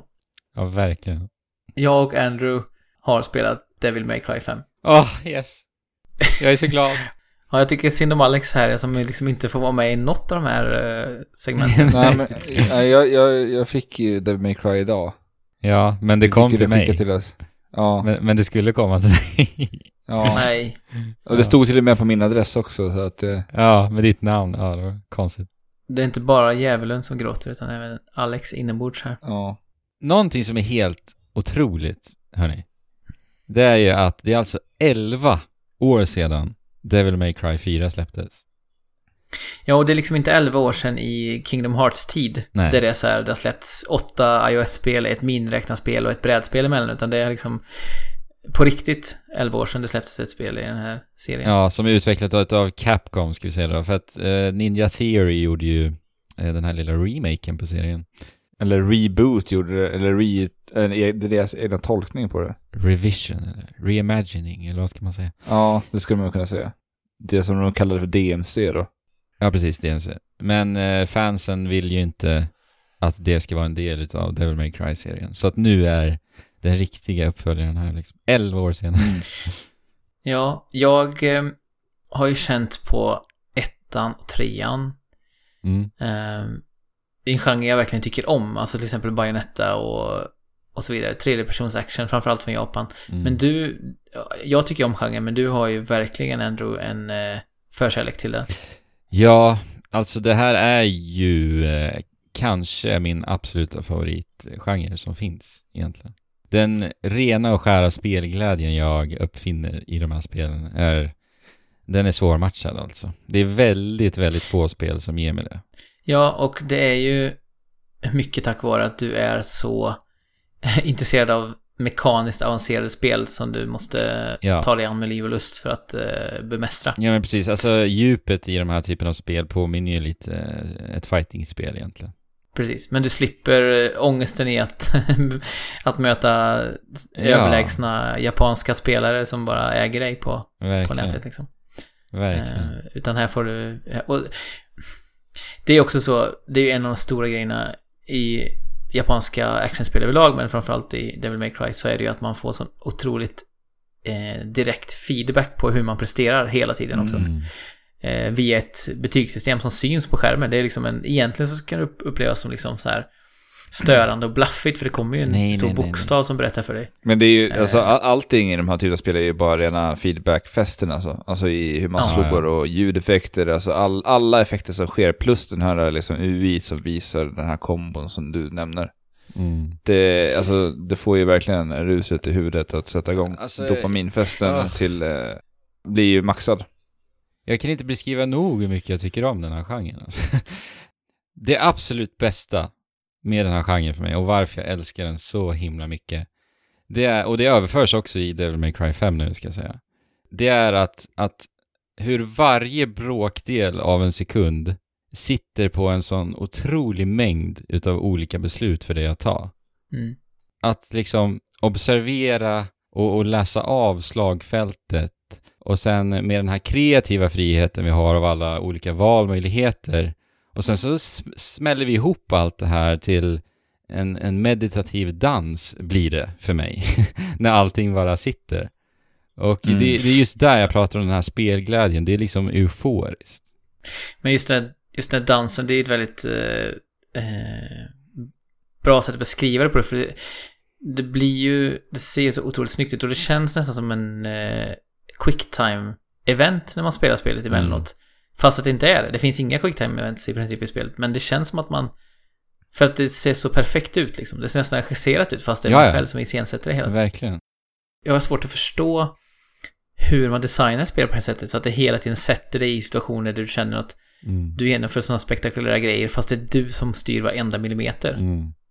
Ja, men det är där också just den här stilmätaren. Den påminner ju och uppmuntrar dig om att vara kreativ och mixa upp ditt spelande. Så att det är ju liksom en Ja. ganska essentiell del av hur du faktiskt presterar liksom. Precis, för utan den så hade ju spelet garanterat blivit eh, väldigt repetitivt tror jag. Ja. Ja, ja, verkligen. För att, eh, för det är lite som i en del spel man känner att, till exempel Spider-Man, man har en hel massa moves Och man slänger in dem lite då och då bara för att man borde. Men man har Mm. egentligen inget incitament i spelet att göra det. Precis. Men det har man ju verkligen här. För man har den här bokstaven i, i facet hela tiden som man vill få upp till S. Mm. Verkligen. Och sen just det här, det är en hel drös olika fiender överallt. Alla har sina olika attackmönster att vara uppmärksam på såklart. Och sen så har ju de sina så tydliga upplysningar i animationer. Och de är ju så otroligt mästerligt gjorda i Devil May Cry 5 alltså. Så att det är som att när jag spelar Devil May Cry och, och actionspel av den här typen så, så liksom tittar jag också runt omkring i periferin och kikar var det, det sker inkommande attacker liksom. Och det, Mm. ah, det är så härligt. Det är ju lite likt eh, Dark Souls på ett sätt. eh, Både i egentligen design och i... Ja, men i den här känslan av att... Av man har kontroll, total kontroll. Det är inte riktigt lika... Eh, deliberate, eller vad man ska säga, alltså som, som ett Dark Souls. Fast det är ju, det finns ju fortfarande en... En väldigt stor tyngd i, Ja. framförallt de tyngre attackerna. Eh, Som man måste tajma. Jag skulle vilja säga att båda spelen kräver ju definitivt eh, samma mängd disciplin för att verkligen bemästra. Alltså, för jag, när jag spelade Devil May Cry nu så, så vet jag ju hela tiden vad jag borde göra. Men att, att mina handlingar kan ibland liksom vara före mina tankar så att säga. Och att få dem i balans, den disciplinen är väldigt, ja, den är bökig att att uppnå alltså. Men i, i Devil May Cry 5 så får man möjligheten att spela eh, tre olika karaktärer. Ja, på tal om djup. Ja, och de, de spelas ju i princip 100% olika. Alltså det är ju, det är klart att det finns vissa likheter, men Mm. för att vara ett spel, eh, ett hack and slash-spel, så det är ju helt otroligt hur stor skillnad det är Mm, på att kontrollera de här tre karaktärerna. Eh, verkligen. den ena karaktären slåss, slåss till, till exempel inte alls själv, utan använder bara sina husdjur egentligen och skickar fram dem Ja. och slåss med. Mm, och det är ju karaktären Vi. Ja, ny, nytillskottet. Ja. Och vi ska inte spoila, eh, vi ska försöka inte spoila så mycket om, ah, storyn, jag vet inte om storyn är så mycket och hänga i överhuvudtaget, eller rättare sagt, sagt Kort och gott om storyn kan vi säga så här, det utspelar sig några år efter fyran. Och alltså Devil May Cry 5 är ju i mångt och mycket ett Devil May Cry-spel. Allt från struktur, uppdragsdesign, vi har de här röda orberna som är vår valuta där vi uppgraderar karaktären med, med nya förmågor, attacker och tekniker. Och sen så är det det här klassiska att man låses in i som arenor och fiender och så dödar alla fiender, sen så kan du progressera. Och det är ännu en demoninnovation och vi bekantar oss med demonen uh, Urizen. Och eh, han befinner sig i något sorts eh, demoniskt eh, livsträd typ. Och eh, de, det är rötter ifrån det här trädet börjar slingra sig omkring i den här staden och sen så norpar den till sig mänsklighetens blod för att eh, ja, öka kraften av något slag. Och då är det upp till oss att rädda världen. Alltså det är någon slags sån här heavy metal estetik och alltihopa som jag bara... Ja. Ah, Jag bara suckar åt den, alltså man blir helt matt på hur mycket så här blod och elgitarrer det är liksom över- överallt. Heavy metal är inte din grej Jesper. Nej. jag, hade, jag hade ju tänkt att fråga dig Jesper, hur, hur klarar du av detta spel med, med tanke på mängden blod som spelet innehar? Ja, men det, det är lite obehagligt, men samtidigt så är det ju så otroligt eh, stiliserat och liksom så Ja. töntigt i, i den biten. Så det är ju inte så här... Det är inte Flamsigt. tryckande. Ja, det är liksom... Ja, så att, Mm. Men som sagt, det är också ett, eh, ett betyg till hur otroligt bra eh, speldesignen är Mm. och mekaniken är. Eh, när jag tycker att allt runt omkring egentligen är Mm. astöntigt och, och liksom fånigt och bara så här... Ja. Jag, bara, jag, tar mig, jag tar mig för ansiktet för alltså... ehm, också hur dialogerna eh, eh, framförs och liksom karaktärerna, alltså karaktärerna är svinsnygga. Det, Ja, det är ju det är kanske det som slår en sjukt. först och främst. Helt. Hur designen är. Och vi, och vi, kan, vi kan komma tillbaka till de detaljerna. Men, Ja. men om, man, om man tittar på liksom karaktärerna, hur de är porträtterade, om man inte tänker på det rent eh, liksom tekniska, estetiska, så är det ju bara så här... eh, Alltså man... Dante är ju världens rövhål liksom, Ja. för det första. Han sitter typ med så här, någon slags mjukporrtidning och med tomma pizzakartonger och har inte betalat sin elräkning och, och det, det ska man på något sätt tycka att det är så här att han är cool, jag vet inte. Men, och sen de kvinnliga karaktärerna är ju liksom bara där Ja. för att man ska få se deras bröst liksom. Eh, och det är så otroligt tröttsamt och de är också, de är ju svincoola, alltså de, har- de Ja. har ju också en personlighet som skulle kunna utnyttjas i så mycket större grad. Alltså de skulle kunna vara lika aktiva som de manliga karaktärerna och ge sig ut i liksom Mm. i strid. Och till, i viss mån gör de det i mellansekvenser, men man får aldrig spela dem. I alla fall inte så långt jag har kommit. Nej. Eh, jag har kommit eh, 13 eller 14 kapitel in av 20. Ehm, men också just hur de så här, de blir bara passiva. I alla sekvenser där män ger sig iväg för att liksom strida så står de bara där och åmar sig lite grann. Och, Mm. och varenda liten så här kameraåkning är så Ja, otroligt vet. så här, alltså. eh, alltså exploaterande. Det är så här, det finns, man har ju en mekaniker som heter Nico. Ja, jag, jag vet exakt Eh, sekvensen. Ja, och hon, hon, hon liksom ska plocka upp en sån här arm då Mm. som man använder Precis. eh, som Nero. Och då så här böjer hon sig på ett sätt som man ser liksom, Hela svanken. ja hon har ju mag, ja, magtröja och, och, och svanken och tatueringar som pekar ner mot liksom, Ja, det är så osmakligt. det är... ja det känns onödigt också för de är ju coola, det är ju väldigt Ja. coola karaktärer men de, de blir bara så här eh, japansk gubb, eh, Mm. liksom, dröm istället. Ja, fast Eh, karaktärsdesignen överlag tycker jag är superbra alltså. Ja, jag håller med. Och, och de är ju intressanta karaktärer. Alltså det är ju en anime liksom. Så Mm. man får inte ha för hårda krav på att det ska vara någon slags djup karaktärsutveckling. Men Nej. jag tycker det är, det är precis som, som i Final Fantasy 15 med, eh, vad heter hon, Sids dotter där på, på bensinstationen eller macken. Att Tror är jag kommer ihåg liksom- det spelet Jesper. Ja, nej, det, är ett, det är ett härligt spel. Men, men alltså, som sagt. Hårdrocksestetik, blod överallt, sexism liksom. Mm. Och det är tre saker som jag absolut inte uppskattar eh, på något plan. Men ändå så tycker jag att det spelet är, ja, snudd på fantastiskt. Men vad tycker du om de här, de här superöverdrivna mellansekvenserna? Där vi ser liksom Nero och Dante spö demoner på, jag vet inte vilka sätt. De som är, ex- No, de är- extremt snyggt animerade också för övrigt. Ja, men de älskar jag ju. Alltså det är Ja. samma sak i, jag har spelat det här um, Metal Gear Solid, vad heter det? Till Ja, Rising. GameCube som- Eller? Rising. Ja. Nej, inte Rising. eh, Twin Snakes. Alltså Snake Metal Gear. Solid, eh, Twin Snakes, Ja. exakt. Det var också så att de hade gjort massa mer överdrivna mellansekvenser jämfört med hur det var Ja, i, just det. i originalet. Eh, Han liksom trampar på missiler från en helikopter liksom. Ja. Eh, och sådär. Och, och den biten tycker jag, alltså Visst, jag, egentligen så tycker jag också att det är så här, jag fattar ju att de bara försöker vara liksom töntigt coola, men på något sätt så dras man med. Ja, det är svårt precis. att inte bli hypad eh, när man ser det där. Det, det är exakt det Eh, jag det skulle är så- komma till. För, för, för mig, så de här sekvenserna, de motiverar ju mig som spelare att Mm. strida exakt lika stiligt eh, som hur eh, karaktärerna eh, beter sig i mellansekvensen. Och för, för jag menar, de osar ju verkligen makt. 100% i, i mellansekvenserna. Det liksom inspirerar och peppar upp mig att vara lika Ja. kraftfull som dem.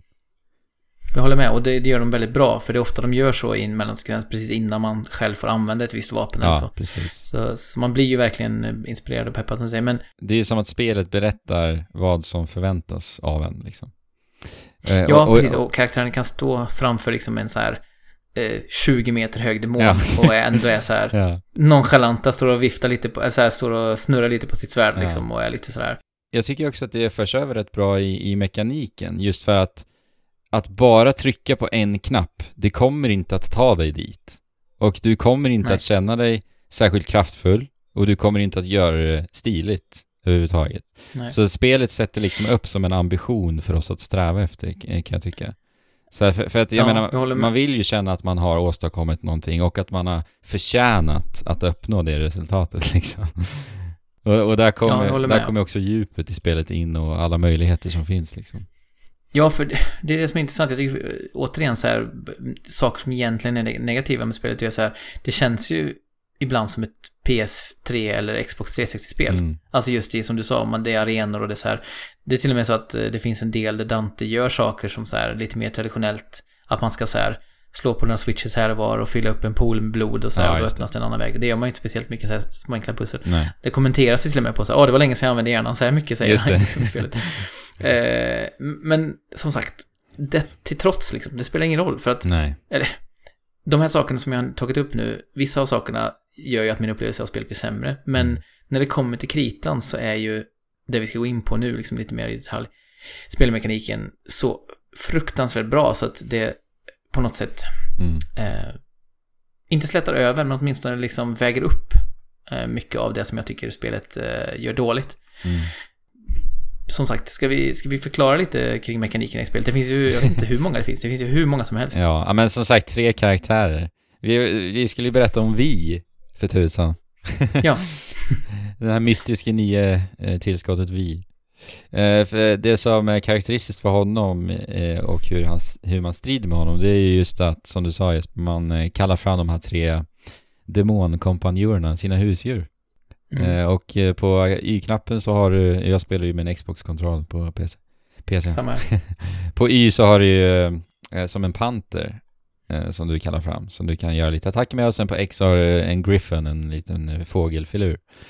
En slags demonfågel, verkligen enormt stor och kraftfull och, och ful. Ja. och sen så har du en som kallas för Nightmare och det är när du triggar igång din Devil Trigger som är någon form av superförmåga, eh, en mätare som laddas upp ju mer du strider så. Så det är de tre Och den, man, eh, man bollar med. Den ser ut som en stor golem, typ. Mm, precis. Något sånt. Och de här representerar också så här snabba, hårda slag också. Eh, Fågeln har ju långdistans, eh, panten är eh, kortdistans och eh, den här Nightmare som sagt, det är, som, det är lite så här, eh, avvägning du får göra som spelare, ska jag använda den här eller inte? Så det är lite en sån här superförmåga helt enkelt, som kommer och bara plöjer på slagfältet. Okej. Och det är ju mot, det är motsvarande Neros arm och Dantes, eh, ja men typ så här olika stances, eller jag vet inte hur man ska kalla det, men... mm. eh, Stilar, det- det- olika fighting-stilar. Ja, precis. Men, och vi som karaktär är ju också lite intressant. Just för, eh, anledningen till att han skickar fram sina pets är för att han själv är väldigt svag och han blir sä- sämre och sämre också ge- genom spelet. Mm. Eh, han har ju en käpp som han går och lutar sig mot. Fast ibland så när han springer behöver han inte använda den, vilket förvånar mig. Men, Det är Men, kanske eh, något har- försäkringsbedrägeri det när vi håller på med. ja, visst. det är mycket möjligt att hans trasiga höft inte är utan Mm. Eh, nej men, och och det är också så här. Jag gillar ju karaktärer eh, som har en bok i handen, har jag upptäckt här. Ja, just det, Smash. Robin. Robin, ja. Och vi går ju runt hela tiden med en bok och typ citerar poesi. Mm. Eh, och eh, kan faktiskt också använda det mekaniskt i spelet. Att om man citerar poesi, tar upp sin bok och går och tittar i den och, och vandrar sakta över slagfältet. Så bygger du upp din eh, specialmätare. Just det. Men då är du ju också vidöppen för liksom fiendens attack. Så att du måste först se till att fienden är engagerad med dina pets. Mm. Eh, och om petsen dör, så att säga, eller de blir, hamnar i stalemate som de kallar det, Mm. eh, tappar sin ledmätare, då hamnar de i en liten, så här, också en liten glob som ligger och, och pyr på, ba, på banan liksom. Och ju närmare du är den, desto snabbare ge, regenererar de. Så Mm. det är som ett sätt att säga liksom att han har någon slags relation till sina djur också, för han klappar lite på orben när den ligger där och, och pyr medan de liksom väntar på att få komma tillbaka. Så att, jag vet inte, på något sätt har jag ändå fått lite känsla för hans relation till sina demoniska pets, vilket är en... Eh, eh, ja, det är ju en eh, styrka i sig att få en att bry sig om deras relation Mm. på något sätt. Och sen, eh, det viktigaste med VIA är just att det handlar om att dränera fiendernas livmätare till noll och då lämnas de öppna för den här sista stöten och det är det man gör med hans, ja man får väl säga något form av magiskt han har i sin käpp va? för att man Mm. då drämmer till med käppen för att eh, göra slut på dem. Och det är en ganska häftig mekanik tycker jag. Alltså just den, Ja, den tillfredsställelsen. Ja, precis. Att eh, när livmätaren är dränerad, bara in och slunga iväg sig med käppen och göra den där sista stöten. Liksom. Men det är en väldigt så här annorlunda spelstil, det är mycket mer passivt. Alltså man observerar ju fältet mera, mm. på avstånd. ja men har du, har du upplevt att det är lättare att få bättre betyg Ja. med vi än de andra? Väldigt mycket. Alltså han är ju väldigt mycket simplare än Nero och Dante, alltså i stort. Mm. Och ett problem jag har haft med vi när, när jag har tagit mig in till eh, senare svårighetsgrader, för jag är inne på andra vändan i spelet nu, eh, det är just att jag känner inte att jag riktigt har den här tydliga responsen i att när jag gör en input så sker attacken på, på en gång. För att du måste ju alltså med ett knapptryck först liksom framkalla ditt, din, eh, ditt husdjur. Och sen därefter positionera dig och göra attacken. Så jag känner inte riktigt att jag får det här flowet i vad jag faktiskt vill göra med, när jag spelar som Nej. vi. Precis. Nej, men det är en lite enklare form av, av strider. Eller ja, lite mer safe som sagt. Man, det är sällan man tar speciellt mycket skada. Ja. Men eh, jag måste säga att designen på Shadow, alltså pantern, är också otroligt läcker. Ja. Den känns verkligen som en så här, ett stort, en, en, en stor liksom, ett muskelpaket som känns totalt livsfarlig. Ja. Ja, Jag, jag gillar verkligen Vi-design, alltså designen på Vi just. Jag tycker han är så, så otroligt häftig, cool, helt enkelt. Det är ganska likt Adam Driver, eller Adam Driver, ja, precis Ja, som Kylo Ren. Lite den känslan får man. Man tänker en Adam Driver J-rockare med käpp och sandaler. ja, sandaler är lite lustigt som har jag tänkt på. Men, och precis, han, man, jag tycker, jag håller med dig, men jag, jag är också så här, vippar lite på gränsen mellan att han är ju väldigt emo. Ja, det är han ju. Det är han. Eh, och det kan bli lite så här, hans citat ifrån... eh, det kan också bli lite så här, oh, jag, jag, jag ryser lite av obehag samtidigt som jag håller med dig om att det finns någonting där som verkligen gör att man tycker om honom också. Han är ju kanske den, han är ju definitivt den mjukaste karaktären av de tre man spelar. Mm. Gillar också effekten av att när du framkallar Nightmare så blir ju Mm. Vis hår alldeles kritvitt. För det är ju svart Ja. innan. Och det finns kanske också en eh, viss hint där i. Ja, just det. Utan att säga för mycket. Men... Eh, Det där var vi. en karaktär. Precis, och... Ja, precis. Och, och som sagt, det är den karaktären jag tycker mest om att, eh, som person, så att säga. Som sagt, ganska mjuk. Mm. Och så rör man sig till, till eh, eh, Nero då, som är den eh, karaktären man börjar spela med. Mm. Eh, och jag, tyck, jag tyckte till att börja med att hans karaktärsdrag var lite tröttsamma och lite så här... Han är ju väldigt så här nonchalant och, och ganska macho. Mm. Men sen när jag fick sätta tänderna i Dante så fick jag omvärdera Nero lite grann. Ja, för, jag förstår det. för Dante, Dante är ju den totala douchebagen alltså. Han är ju fruktansvärd. Men Mm. vi, vi kan, vi, vi, vi håller oss till Nero till att börja med och hans, hur hans mekanik går till. För att han har ju de här armarna som är det mest ny, nyskapande kanske i, i, i spelet. Ja, just det. Ehm. Protes, ar, robotprotesarmen som sagt. Ja, han har blivit av med, det var en demon som var ofin nog och kom och slet av honom armen. Ja, Eh, Devil Bringer hette ju den armen. Mm. Och nu då så är det då den här eh, mekanikern som vi pratade om tidigare som har en van som hon åker runt i tillsammans med Nero och eh, så här av, eh, ja men lite Monster Hunter-esk liksom, av monsterdelar som man tar från bossarna så gör hon nya armar under hela, så att man får hela tiden Eh, ja men det, det är ju väldigt hög hastighet man får nya armar egentligen. Det, man hinner knappt vänja sig vid en eh, innan det kommer en ny sorts Nej, och de- bidrar ju med väldigt stor variation till vad man kan göra med dem också. Mm, verkligen. Man, man kan ju med dem också forma lite så här hur man vill lägga upp sitt, sin spelstil också. Så, för de funkar ändå Mm. väldigt olika. Ja, för, för övrigt har han ju liksom en, en lite tyngre pistol och ett svärd. Liksom. Ja, Eh, så det är armarna som gör, och det har jag också upplevt när jag bytte mellan karaktärerna, att gick från Dante till Nero och kände oj, nu har jag mycket mindre verktyg att jobba med. Eh, men så kom jag på att armen använder jag ganska lite. Mm. Och det, den blir ju helt central för att man ska mixa upp sin spelstil och precis. Och den, den gör, de gör de mest vilda grejer liksom. Det är allt från, de tidiga armarna är ju mest någon slags... Eh, den första armen man har är ju en slags elstöt, men man kan också sätta en slags remote bomb på fienden om man håller inne armen.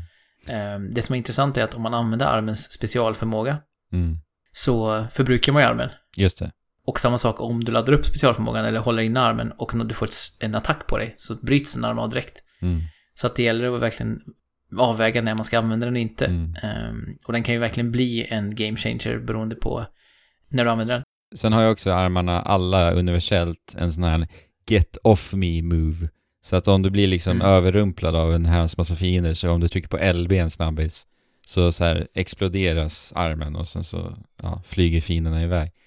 Och den har räddat offrar mig, liksom räddat mig många gånger. Jag tycker verkligen om att de la till just det. Det kändes som en så himla smart liten detalj faktiskt. Ja, och det är en förbrukningsvara. Så dels så kan du ju köpa den innan, innan uppdragen drar igång. Mm.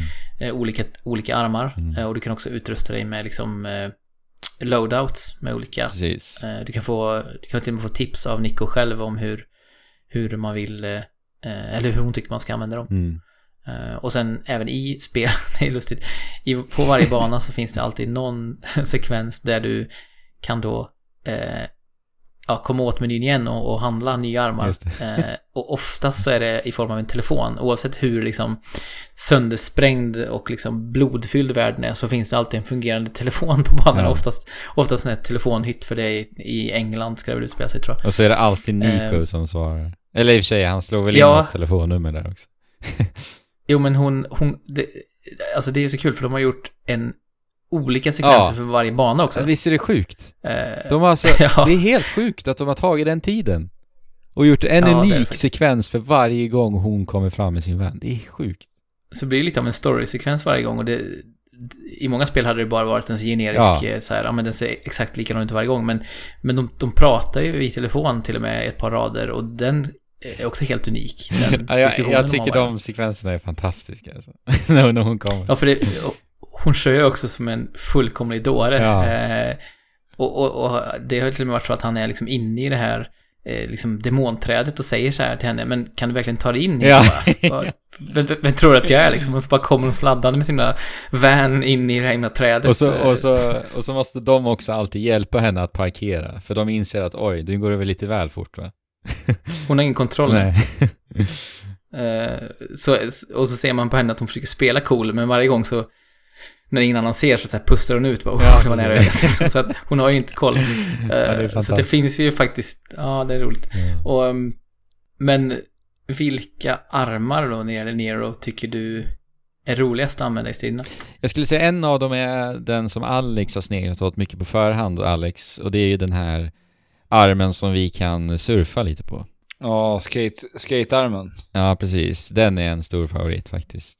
Både Mm, den, att ta den till special, den riktiga förmågan att just surfa, men också så gillar jag att, för det man gör är att om du bara trycker en snabbis på B så skickar du iväg som en, en mini-arm som så snurrar omkring och bara matar slag på fienden. Så jag tycker om båda dens eh, förmågor just.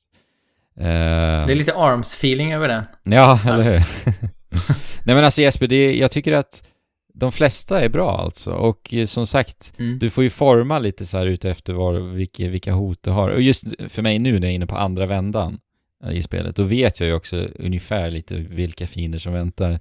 Så då får jag ju liksom utrusta mig med vad jag anser liksom blir mest effektivt. Ni, ni säger ju att det finns ju tre olika karaktärer i det här spelet. Hur är det? Är varje... Mm. Har de haft specifika banor liksom? Eller hur går det här? Får ni välja att spela en story först eller kan ni... Går ni igenom en linjär historia där vi har liksom delar där som är för vi, delar som är för Dante och Nero och så vidare? Ja, bra fråga. Det, det är faktiskt så som du säger att det är en linjär eh, progression och eh, vissa uppdrag spelar du ner och vissa spelar du vi, men också på en del uppdrag så kan du faktiskt välja karaktär. Dessutom. Mm, okej. Men, och där har jag funderat lite eftersom jag bara spelar, jag är ju på slutet på, på första rundan, jag kommer nog bara spela en runda. För jag, Mm. jag, jag, eh, jag tror att det är liksom, jag får min mättnad av det, Mm. även om jag njuter av spelet. Men eh, då funderar jag på just det där, om man byter karaktär i det skedet, då är det väl samma bana måste det väl Ja. vara? Bara att det är... Precis. Det är precis samma. Man korsar ju också vägar med de andra karaktärerna lite då och då, vilket är intressant. Man ser liksom de andra karaktärerna Ja, hålla på precis. borta på ett hustag liksom när man är på ett anställe. Lite- För de hoppar mycket i tiden också i storyn fram och tillbaka. Ja, exakt. Ehm, Ja, det låter ju Men- uppenbarligen som att det här spelet har enormt mycket återspelningsvärde med tanke på tre Ja, oh ja. karaktärer och tre olika karaktärer och bemästra deras moves för att kunna få den Verkligen, här verkligen. S-ranken på alla karaktärer. Det, Ja, men jag, Ja. jag, skulle, ju- jag sa ju det till dig Jesper, att jag skulle ju säga att, att den första vändan när du spelar Devil May Cry 5, det är lite av tiden för dig att så experimentera och latcha, komma in i rytmen liksom. Men sen förstår jag ju som du säger Jesper, att man såklart också kan njuta av bara en, en genomspelning. Men, ja, men sen... det, det du säger, det var exakt det jag kände när jag spelade Bayonetta. Ja, precis. Alltså, så här, jag var inte, alltså jag hade suttit och lärt mig Bayonetta genom hela första, när jag spelat igenom hela första omgången. Ja. Och sen så började jag spela om det och då kände jag så här, de första banorna i det gick ju så otroligt mycket bättre när jag hade klarat av det. För jag har lärt mig så Mm. mycket, jag har blivit så vässad i mina skills. Och den känslan är ju så himla härlig att uppleva. Ja men verkligen. Och, och dessutom Alex, så är det ju också på en högre svårighetsgrad. Och ändå kunde du prestera så bra liksom. Mm. Det, Men, men det märker man ju i det här spelet också gör de väldigt bra att de introducerar ju de fienderna som är liksom svåra fiender, kanske bossar eller minibossar, Mm. eh, blir ju helt vanliga fiender senare i spelet. Mm. Eh, Ja, och det är också ett, ett väldigt snyggt sätt att eh, visa för en själv att nu är de här bara scrubs för mig. Jag bara borstar dem åt sidan nu förut det var liksom en kamp men nu, Mm. nu tar jag dem hur lätt som helst. Och det, det är en effektiv, effektivt sätt att se att man det visar att man gör progression själv också, som vi brukar prata om väldigt ofta i Ja, den här podden, att man vill ju att man själv ska bli bättre, inte att eh, ens liksom stats ska bli bättre. Mm. Ja, men det är ju, det är ju Eh, men- synonymt med den här typen av spel alltså.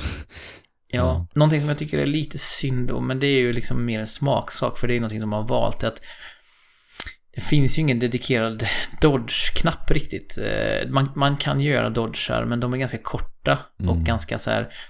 Alltså egentligen så är det ju mer att man hoppar upp i luften som är mer effektivt egentligen, Mm. att dodga, än att eh, så att säga rulla åt sidan eller så. I Bayonetta så använder man ju dodgen, det är ju också så att man använder den för att skapa den här bullet time-mekaniken. Ja, Witch Time. Witch time-mekaniken. Mm. Men jag, jag saknar ändå, för jag känner mig lite klumpig ibland när jag försöker komma på hur jag dodgar igen, för man måste trycka på tre knappar egentligen, eller två knappar och en spak istället för att bara trycka på en knapp liksom. Och det gör lite, jag skulle vilja ha en dedikerad dodge eh, för att liksom Ja. eh, känna mig Men då kan du ju spela är ju- Dante och använda dig utav Trickster fighting-stilen. Precis, jag inser det. Att jag, jag har insett det nu på senare tid när jag spelat Dante mot slutet här. Och det är det som är så, som sagt, så otroligt. För att man tänker så här, ja men vi hade en del intressanta grejer. Mm. Eh, och så Nero har lite fler grejer. Och sen eh, Dante. Till sitt förfogande. Ja, och så kommer man till Dante och bara, det är helt otroligt. alltså det är, he- ja, det är helt sjukt att man, för det första att, att man kräver av spelare, alltså jag menar, många kommer ju spela Devil May Cry som sitt första Devil May Cry-spel förmodligen liksom. Mm. För att spel är ju mer mainstream idag och eh, det kommer ut färre av den här typen av spel, så jag tror att fler kommer spela just det här spelet. Mm. Och, och då att Dante har ju, eh, dels har han ju så man kan byta mellan två olika pistoler till att börja med. En, eh, någon slags, eh, ja men Ebony and Ivory, hans klassiska så här, pistoler som är snabba men svaga. Mm. Sen har han en, eh, en revolver, eller vad man kallar det, som är väldigt tung. Mm. Nästan som en shotgun. Som man kan både crowd-kontrolla med, men även göra mer skada. Just det. Sen har han ju svärden då. Dels har han ju ett, ett svärd som är, eh, vad heter det? Rebellion heter Ja, det. precis. Som är liksom ett stort svärd. Och sen har han såna gauntlets som man kan gå loss med, alltså knogjärn egentligen. Mm. Eh, och det är ju då fyra olika vapen man kan mixa med. Till att börja med, ska jag Ja, säga. För sen sen det det upp flera. ännu fler. Ja. Ja. Och du har fyra olika fighting-stilar. Stilar. ja, som du, som du styr med på styrkorset Ja. vilken eh, stil du vill ha. Och det är då. just det som är så sjukt, att du helt sömlöst i realtid i spelet kan skifta mellan allt detta.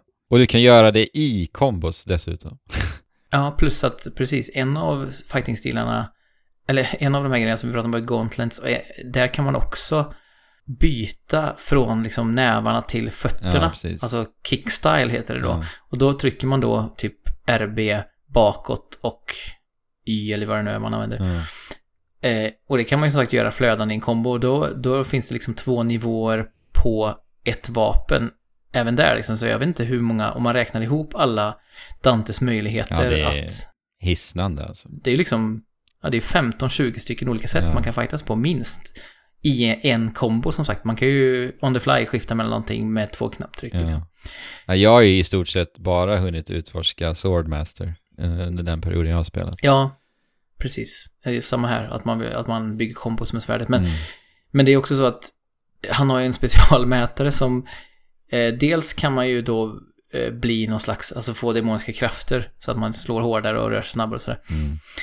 Men sen utvecklar det sig som man även kan bli någon slags superdemon Ja, där man laddar upp från en mätare till en annan mätare innan man triggar. ja. Det är faktiskt en ny mekanik i det här spelet. Just den delen. Ja. Men, men Dante spelas ju väldigt mycket som han har gjort i tidigare spel. För just det här med fighting-stilar och alla möjliga vapen, det har ju varit väldigt mycket så tidigare. Men han har ju några nya Mm. verktyg nu också. Men jag vill bara återgå lite till Nero också en snabbis. Eh, för för Mm. det jag tycker så himla mycket om med just hans robotprotesarm, eh, och det här eh, fanns ju också även i Devil May Cry 4, det är just det här hur du, hur du kapar av avståndet mellan fienden och dig så himla enkelt genom att du grabbar tag som, som en enterhake lite i fienderna, sen drar du dig till, Mm. fin, till du drar fienderna till dig. Så att du kan liksom jonglera upp fienderna i luften, slå, smälla iväg dem, sen tar du den här enterhaken, devil, devil breakern då, sen drar du till dig fienden igen och sen så fortsätter du dina combos Och det är så tillfredsställande alltså.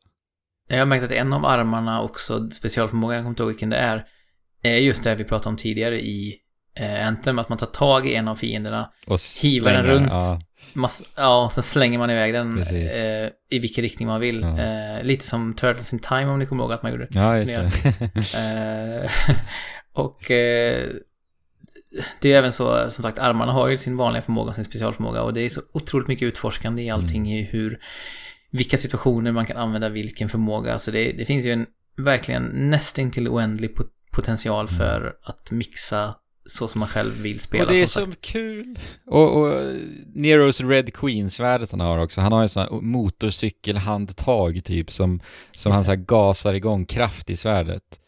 Eh, och den mekaniken, jag kan inte beskriva nog hur mycket jag älskar den. För att när du slår och sen trycker du på LT, om du gör det med en perfekt timing så laddar du upp all energi i svärdet direkt. Och ja, timing-element i den här typen av spel, ja det går in i mitt hjärta alltså. Och, och det, det går också igen, den här detaljerade nivån finns ju också i eh, uppgraderingarna. Man kan ju uppgradera varenda vapen var för sig. Mm. med olika kombos och olika eh, liksom, styrkor. Du kan, du kan eh, köpa som sagt olika armar, du kan köpa eh, rörelsemönster för din karaktär övergripande. Mm. Eh, och alla de här sakerna gör du ju för var och en av dina karaktärer Precis. enskilt. Ja. Så det är ju- jag menar, man kan ju späcka precis hur man vill.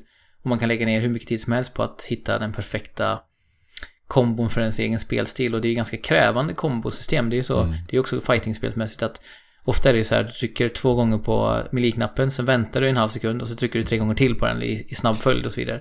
Där återgår vi också till det här jag sa innan, disciplinen. Den kommer ju väldigt mycket in där. Mm. Att andas, du vet vad du ska göra.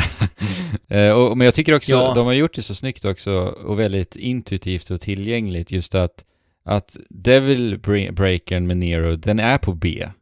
Och Y har du svärdet, alltså, och X är pistolerna. Så det blir väldigt in, ändå intuitivt att, med vad du ska göra i, i hettan, så att säga. Mm. Och som du säger, det pågår ju extremt mycket saker runt omkring en hela tiden. Det är liksom någon demon som skjuter laser i ögonen och tre hundar som åker runt och någon igelkott som rullar runt på banan och försöker hugga ihjäl dig. Och det, liksom, det kräver ju väldigt mycket för att hålla den där isen i magen och Mm. när man gör det så får man ju en, en kick som heter duga. Så Ja. man får det där. Jag, jag upptäckte nyss att jag tänkte så här, ja men S brukar ju vara den högsta nivån. Sen så bara, vänta nu, nu är jag uppe på dubbel S. Nej, nu är jag uppe i trippel S. Det är så, ja, det är så plötsligt, helt, plötsligt öppnar sig, jag trodde att S var högsta betyget, men helt plötsligt öppnar sig två nivåer till Ja. av så här, och, och då får man också en feedback. Smoking I form av sick musik. style. Ja, precis. Ja. Eh, och liksom, Då, då känner du dig cool, eller hur Jesper? ja, och trots att jag liksom försöker hålla emot, vet, jag vet att de försöker bara få mig att känna så här och det, det är egentligen bara en, en ruse, så Mm. blir jag ändå, jag rycks med Det liksom. rycks med metalen som pumpar också i bakgrunden. Jag står och headbangar Ja, samtidigt som jag spelar. Nej men alltså striderna i mångt och mycket är också så här väldigt rappa, du är ju flexibel liksom i, i rörelsemönstren. Men jag tycker också så här med Devil May Cry just, i, till skillnad från många i spel i genren, är ju också att jag tycker att de har en sån himla tillfredsställande tyngd i Devil May Cry, just i animationerna. Och jag tänker ju på liksom hur Nero nästan så här slungas med vikten av svärdet när han svingar det. Har du tänkt på det liksom? Mm, absolut. Jag tycker det är en så himla härlig effekt. Det blir något mer intimt än i till exempel Bayonetta. Och, och för att Devil May Mm. Cry fokuserar ju också lite mera på just en emot en strider. Även om det ofta kan vara en mängd fiender på fältet så är det ändå så designat att, att du ofta inte attackerar emot klungor utan det är ofta en du fokuserar på så att säga. Nej men precis, jag tänker också på det här att det fladdriga som finns i många spel i genren som ju kan vara av godo just för att det är eh, ganska enkelt att sätta sig in i. Eh, blir ju här som sagt en styrka att man inte har det, utan man har den här tyngden. Men jag, jag kommer ihåg det när jag spelade, om det var ettan eller trean, att jag förvånades över, för jag hade förväntat mig att det skulle vara lite mer det här rappa Mm. eh, spelsystemet. Och det, alltså det går ju undan, det gör det verkligen. Men, Ja, ja. men just det där att det är lite mer tyngd i det, det, det förvånade mig då och det gör också att det är lite svårare att komma in i. Men det gör ju också att det är ännu mer belönande när man väl sätter det. Mm. ja, men tillbaka lite till det här vi pratade om tidigare med karaktärernas design. För att jag tycker att här är världen generisk. Jag tycker som, som vi pratade om Anthem förut, att, eh, att vi inte tyckte världen var speciellt generisk. Men här tycker jag den är det. Eh, det är mycket så här, men blod och aska liksom. Men däremot karaktärerna är ju urläckra verkligen. Det är ju allt från så här hur tatueringarna ser ut, hur håret ser ut, eh, kläderna. Dragkedjan. Hur all... Ja, precis. Eh, Man kan ju tro att det är eh, Nomura som varit inblandad här, men det är det ju inte. Nej. Eh, på tal om dragkedjor. Men det är ju verkligen otroligt läckert och det bidrar ju till den här känslan av att, de, att karaktärerna är fruktansvärt coola hela tiden. Eh, Mm. även om deras personlighet och deras liksom manér och deras dialoger är töntiga så är ju deras stil faktiskt cool på riktigt. Ja, de är ju Verkligen. otroligt snygga. Ja, men du nämnde just generisk miljö där och det, där får jag väl ändå säga att det är några av problemen jag har med spelet. Jag tycker ju också att de är väldigt generiska och de känns bleka. Är också så här ibland svårläst var du kan gå och inte. Vilket också gör att det blir lite tokigt när det faktiskt finns hemligheter att hitta i det här spelet och lite gömda vägar. Och, och allting är ju avskärmat med såna här, som vi har sett i så många år, osynliga väggar och, och ibland så kan jag känna, men varför kan jag inte hoppa där nu? Jag kunde ju hoppa Mm. på en sån här plats innan, liksom. Ja, det är där jag tycker det, kommer, det här PS3-känslan Ja. kommer in igen för att det är liksom eh, det känns som att det är omodernt på många sätt. Ja, precis. Eh, Men, men det, det är lätt att förlåta det, men det skulle kunna bli ännu bättre Ja. nästa gång. Precis. Och jag tänker säga, jag nämnde det när vi började prata om spelet nu, att det är 11 år sedan Devil May Cry 4 kom. Och lyssna på det här. Alla Soulsborne-spel har släppts sen, alltså i, inom den tidsspannen, så har alla Soulsborne-spel släppts. Och eh, jag, jag Ja. tycker att här lämnar spelet faktiskt lite att önska för mig. Jag förstår att fokuset ligger på striderna, och det är väldigt tydligt, men att det hade varit så himla ljuvligt att få se en sån bit i det här spelet också, lite utforskande. Eh, Jag tänker också på djurtransformationerna vi ser i Bayonetta som eh, kändes så himla unika och det är liksom ett roligt sätt att navigera sig omkring med. Eh, Och även pusselmekanik vi ser i till exempel God of War, alltså det finns så mycket att, att tillföra in i den här genren. Så här känner jag att de inte har vidareutvecklat särskilt mycket alls faktiskt. Nej, men det som är spännande är att se nu hur det tas emot hur det säljer för att Mm. ehm, det finns ju nästan inga stora spel i den här genren längre. Ehm, Nej. Och eh, därför blir det ju härligt att bara få ta sig an en sån här upplevelse på de moderna konsolerna, på moderna liksom Ja, tv-apparater eller skärmar liksom och bara få, få den här fidelityn som man får mm. eh, i ett AAA Devil May Cry. Eh, Ja men det är helt galet. Jag, alltså jag har haft så roligt med det här spelet och jag måste sä säga också att det, det känns nästan lite lyxigt att, att få ett sånt här polerat spel av den här typen idag. Eh, just med det här produktionsvärdet alltså också då. Och så jag är, jag är så himla glad att, att jag får se det. Det hade lika gärna kunnat vara så att jag, de här spelen inte skulle kunna få göras idag, för det har ju varit så svältfött som sagt. Det är väl typ Mm, Bayonetta känns- 2 senast som gjorde ett, ett, ett riktigt bra sånt spel. Ja, och det var ju ändå på en konsol som inte är liksom så maxad som eh, de två PC-maskinerna som vi sitter på liksom. Nej, precis. Att man, man, man kan väl säga att Devil May Cry 5 är precis vad du kan förvänta dig av ett Devil May Cry-spel 2019. Ändå. Bra sammanfattat. Men vet du vad Jesper? Vi Nej. har ju faktiskt inte nämnt en ganska viktig sak. Och det är bossstrider. Mm. Eh, och jag måste ändå bara, vi kan ta det lite snabbt. Alltså, bossarna för mig faktiskt var ganska underväldigande. Och det var utav anledningen utmaning faktiskt. Eh, jag spel, för det fanns ju bara två svårighetsgrader att välja på i början. Och jag spelade på Devil Hunter som var den svårare av de två. Och jag tyckte faktiskt att eh, här fick jag inte kämpa emot spelet alls egentligen. Jag tror jag dog typ tio gånger genom hela spelet, eh, första genomspelningen. Så att eh, lite besviken måste jag ändå säga på just bossarna och utmaningen. Men som sagt, fortsätter jag spela spelet så kommer jag säkert hitta vad som gör dem speciella eh, på högre svårighetsgrader. Och sen så pratade vi lite om, när vi testade spelet på förhand, just det här att hur bossarna liksom lever dynamiskt i olika etapper. Eh, att de liksom rör sig omkring i, i spelvärlden. Eh, som att de liksom bygger upp ett spektakel sådär. Och det tyckte jag det, det spelet gav sken om på förhand tycker jag inte riktigt faktiskt man ser i, i slutspelet heller, utan det är mer eh, arenastrider. Och alltså, jag säger inte att jag underminerar den typen av bossstrider, men det hade varit trevligt att liksom se en balans, en större balans mellan de två typerna. Så.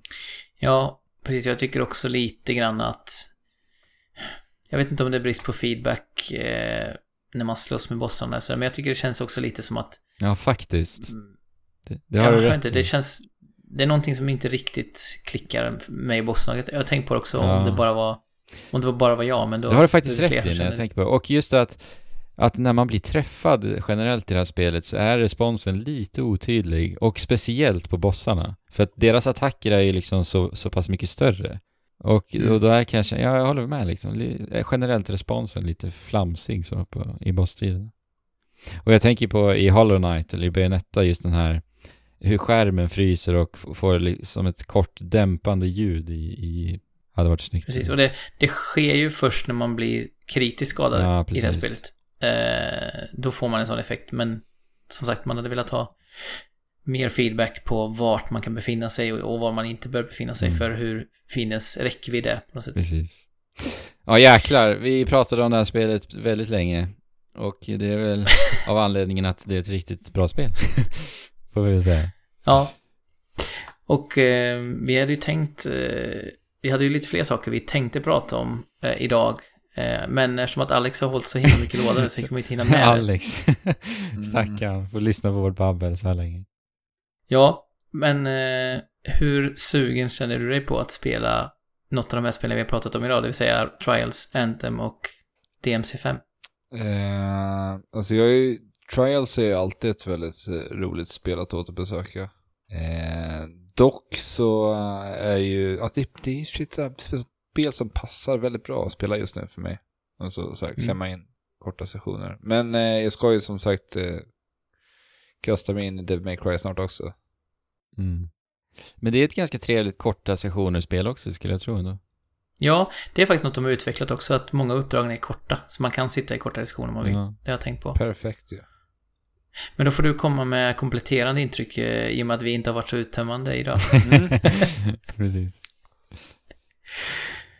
Men eh, jag tror att vi kallar det för eh, en dag, mina Mm. vänner. Det gör vi. Eh, men om man vill eh, snacka med oss utanför podden, så att säga, vart, eh, vart gör man det? Eh, då åker man hem till mig. eh, I Västerljung? Ja, letar upp mig. Och kommer och knackar på helt enkelt. Kanske bjuder på en kopp kaffe. Ja.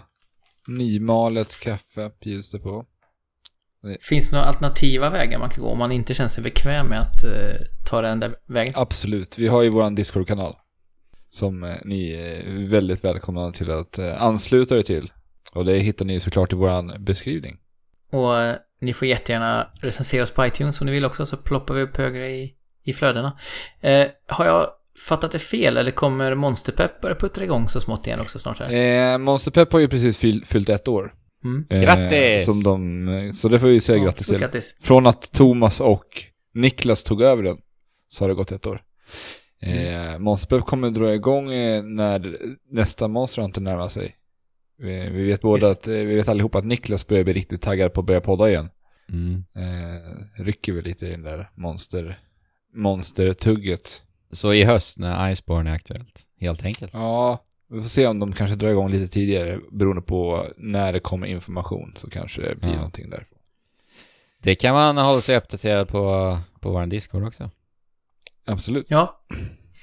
Gör det. Och eh, då hörs vi igen om två veckor, hörni, ni som lyssnar. Jag tror att vi tre kanske hörs tidigare än så, skulle jag tro. Mm, det gör vi. Får se om vi smäller ihop Men- någon Anthem-session igen, Jesper kanske.